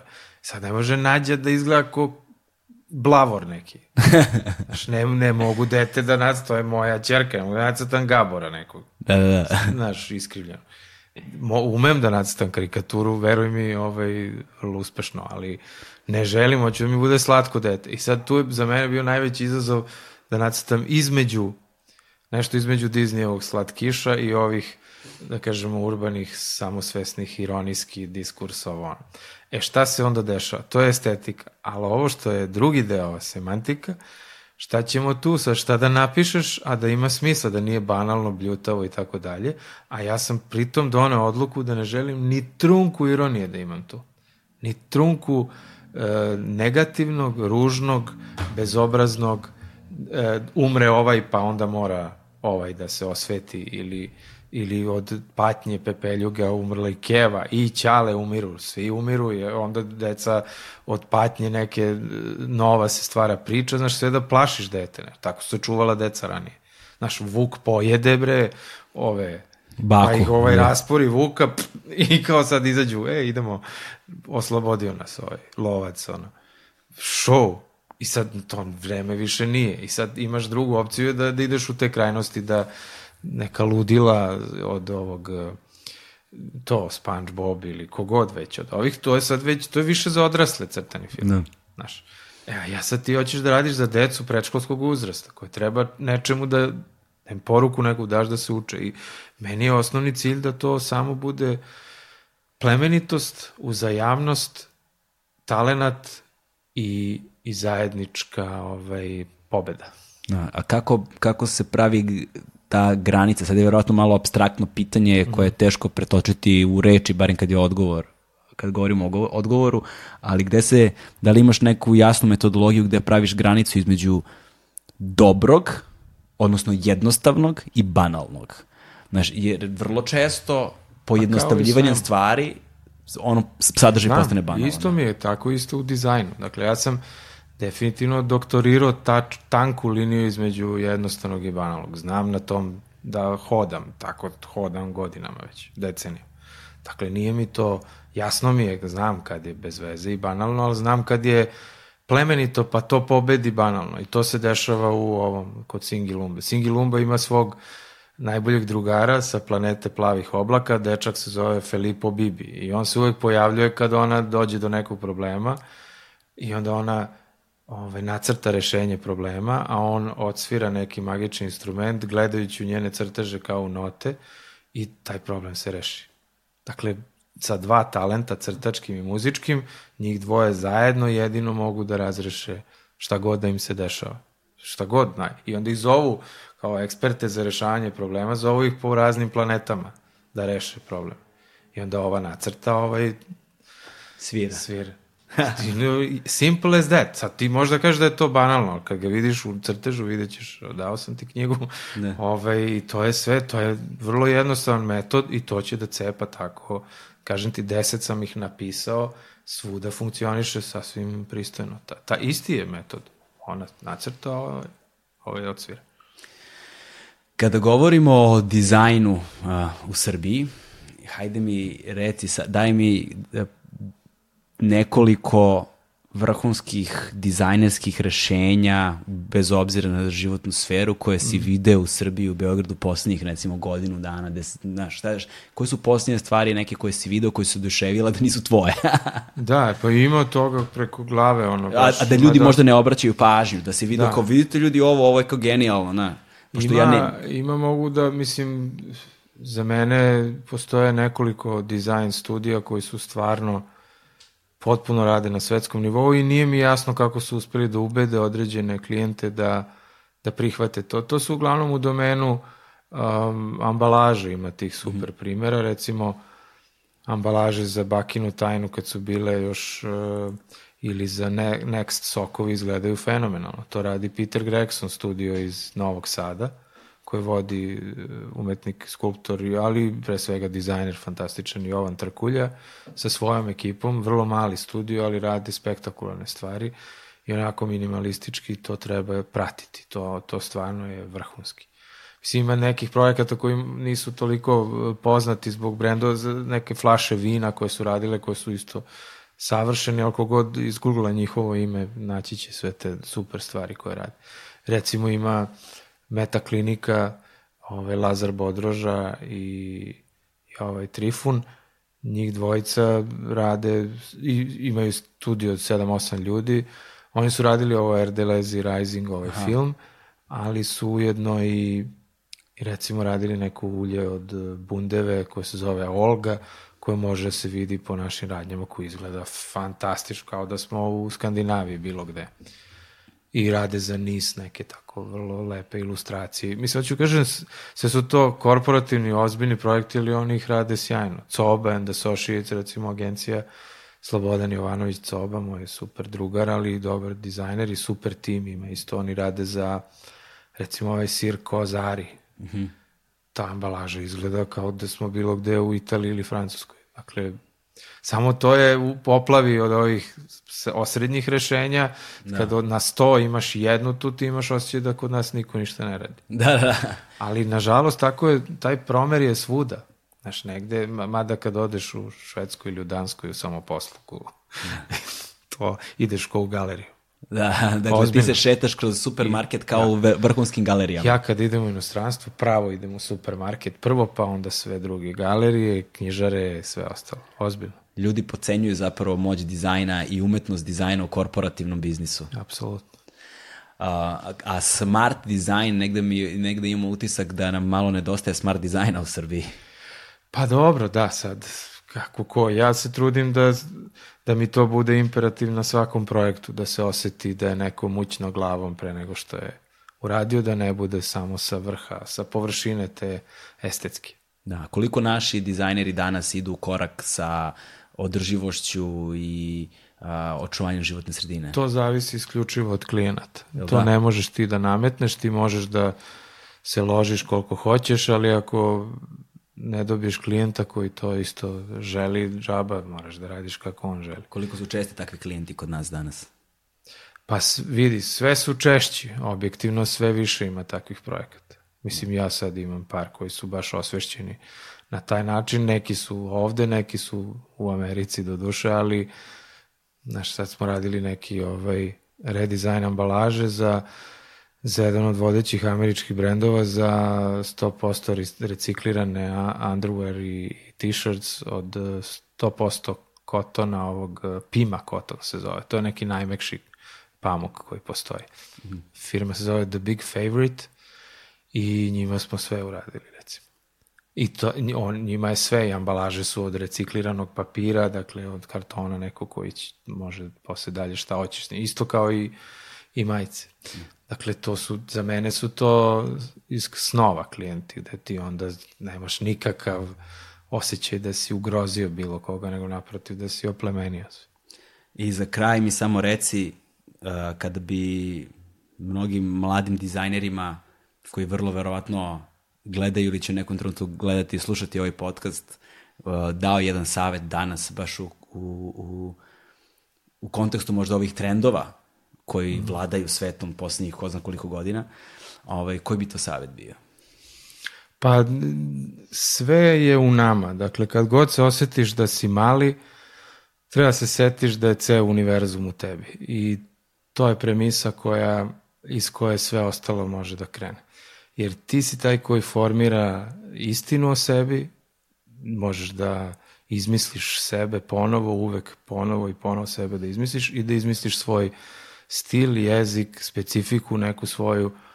Nije svako ni u stanju da izmišlja big ideas sve vreme. Dakle, ni, ni to važno, neko, nekome savršeno ide estetika, ali ako mu ide, neka ganja to što mu najbolje ide. Mislim, moj glavni savjet i mojim studentima i svima ovako sad koji gledaju i slušaju je da treba da rade ono što im najlakše ide, sve dok im to ne postane teško. Kad im postane teško, treba nastave to isto da rade dok im ponovo ne postane lako. Jednostavnost zapravo najteže postiže. Apsolutno. Hvala ti puno na vremenu izdvojenom za ovaj razgovor a, i nadam se da se vidimo ubrzo uskoro, možda već na promociji nove knjige. Takođe. Hvala ti puno. I ljudi, a, roman 9, roman u ilustrovanim pričama, tako da nije samo do teksta, ima nečeg i u dizajnu. ovaj, e da, i uvek zaboravim to da pomenem, u, podržite nas na Patreonu, ovaj, mnogo bi nam značilo. Hvala puno. Hvala, Hvala. tebi. Vidimo se. Hmm.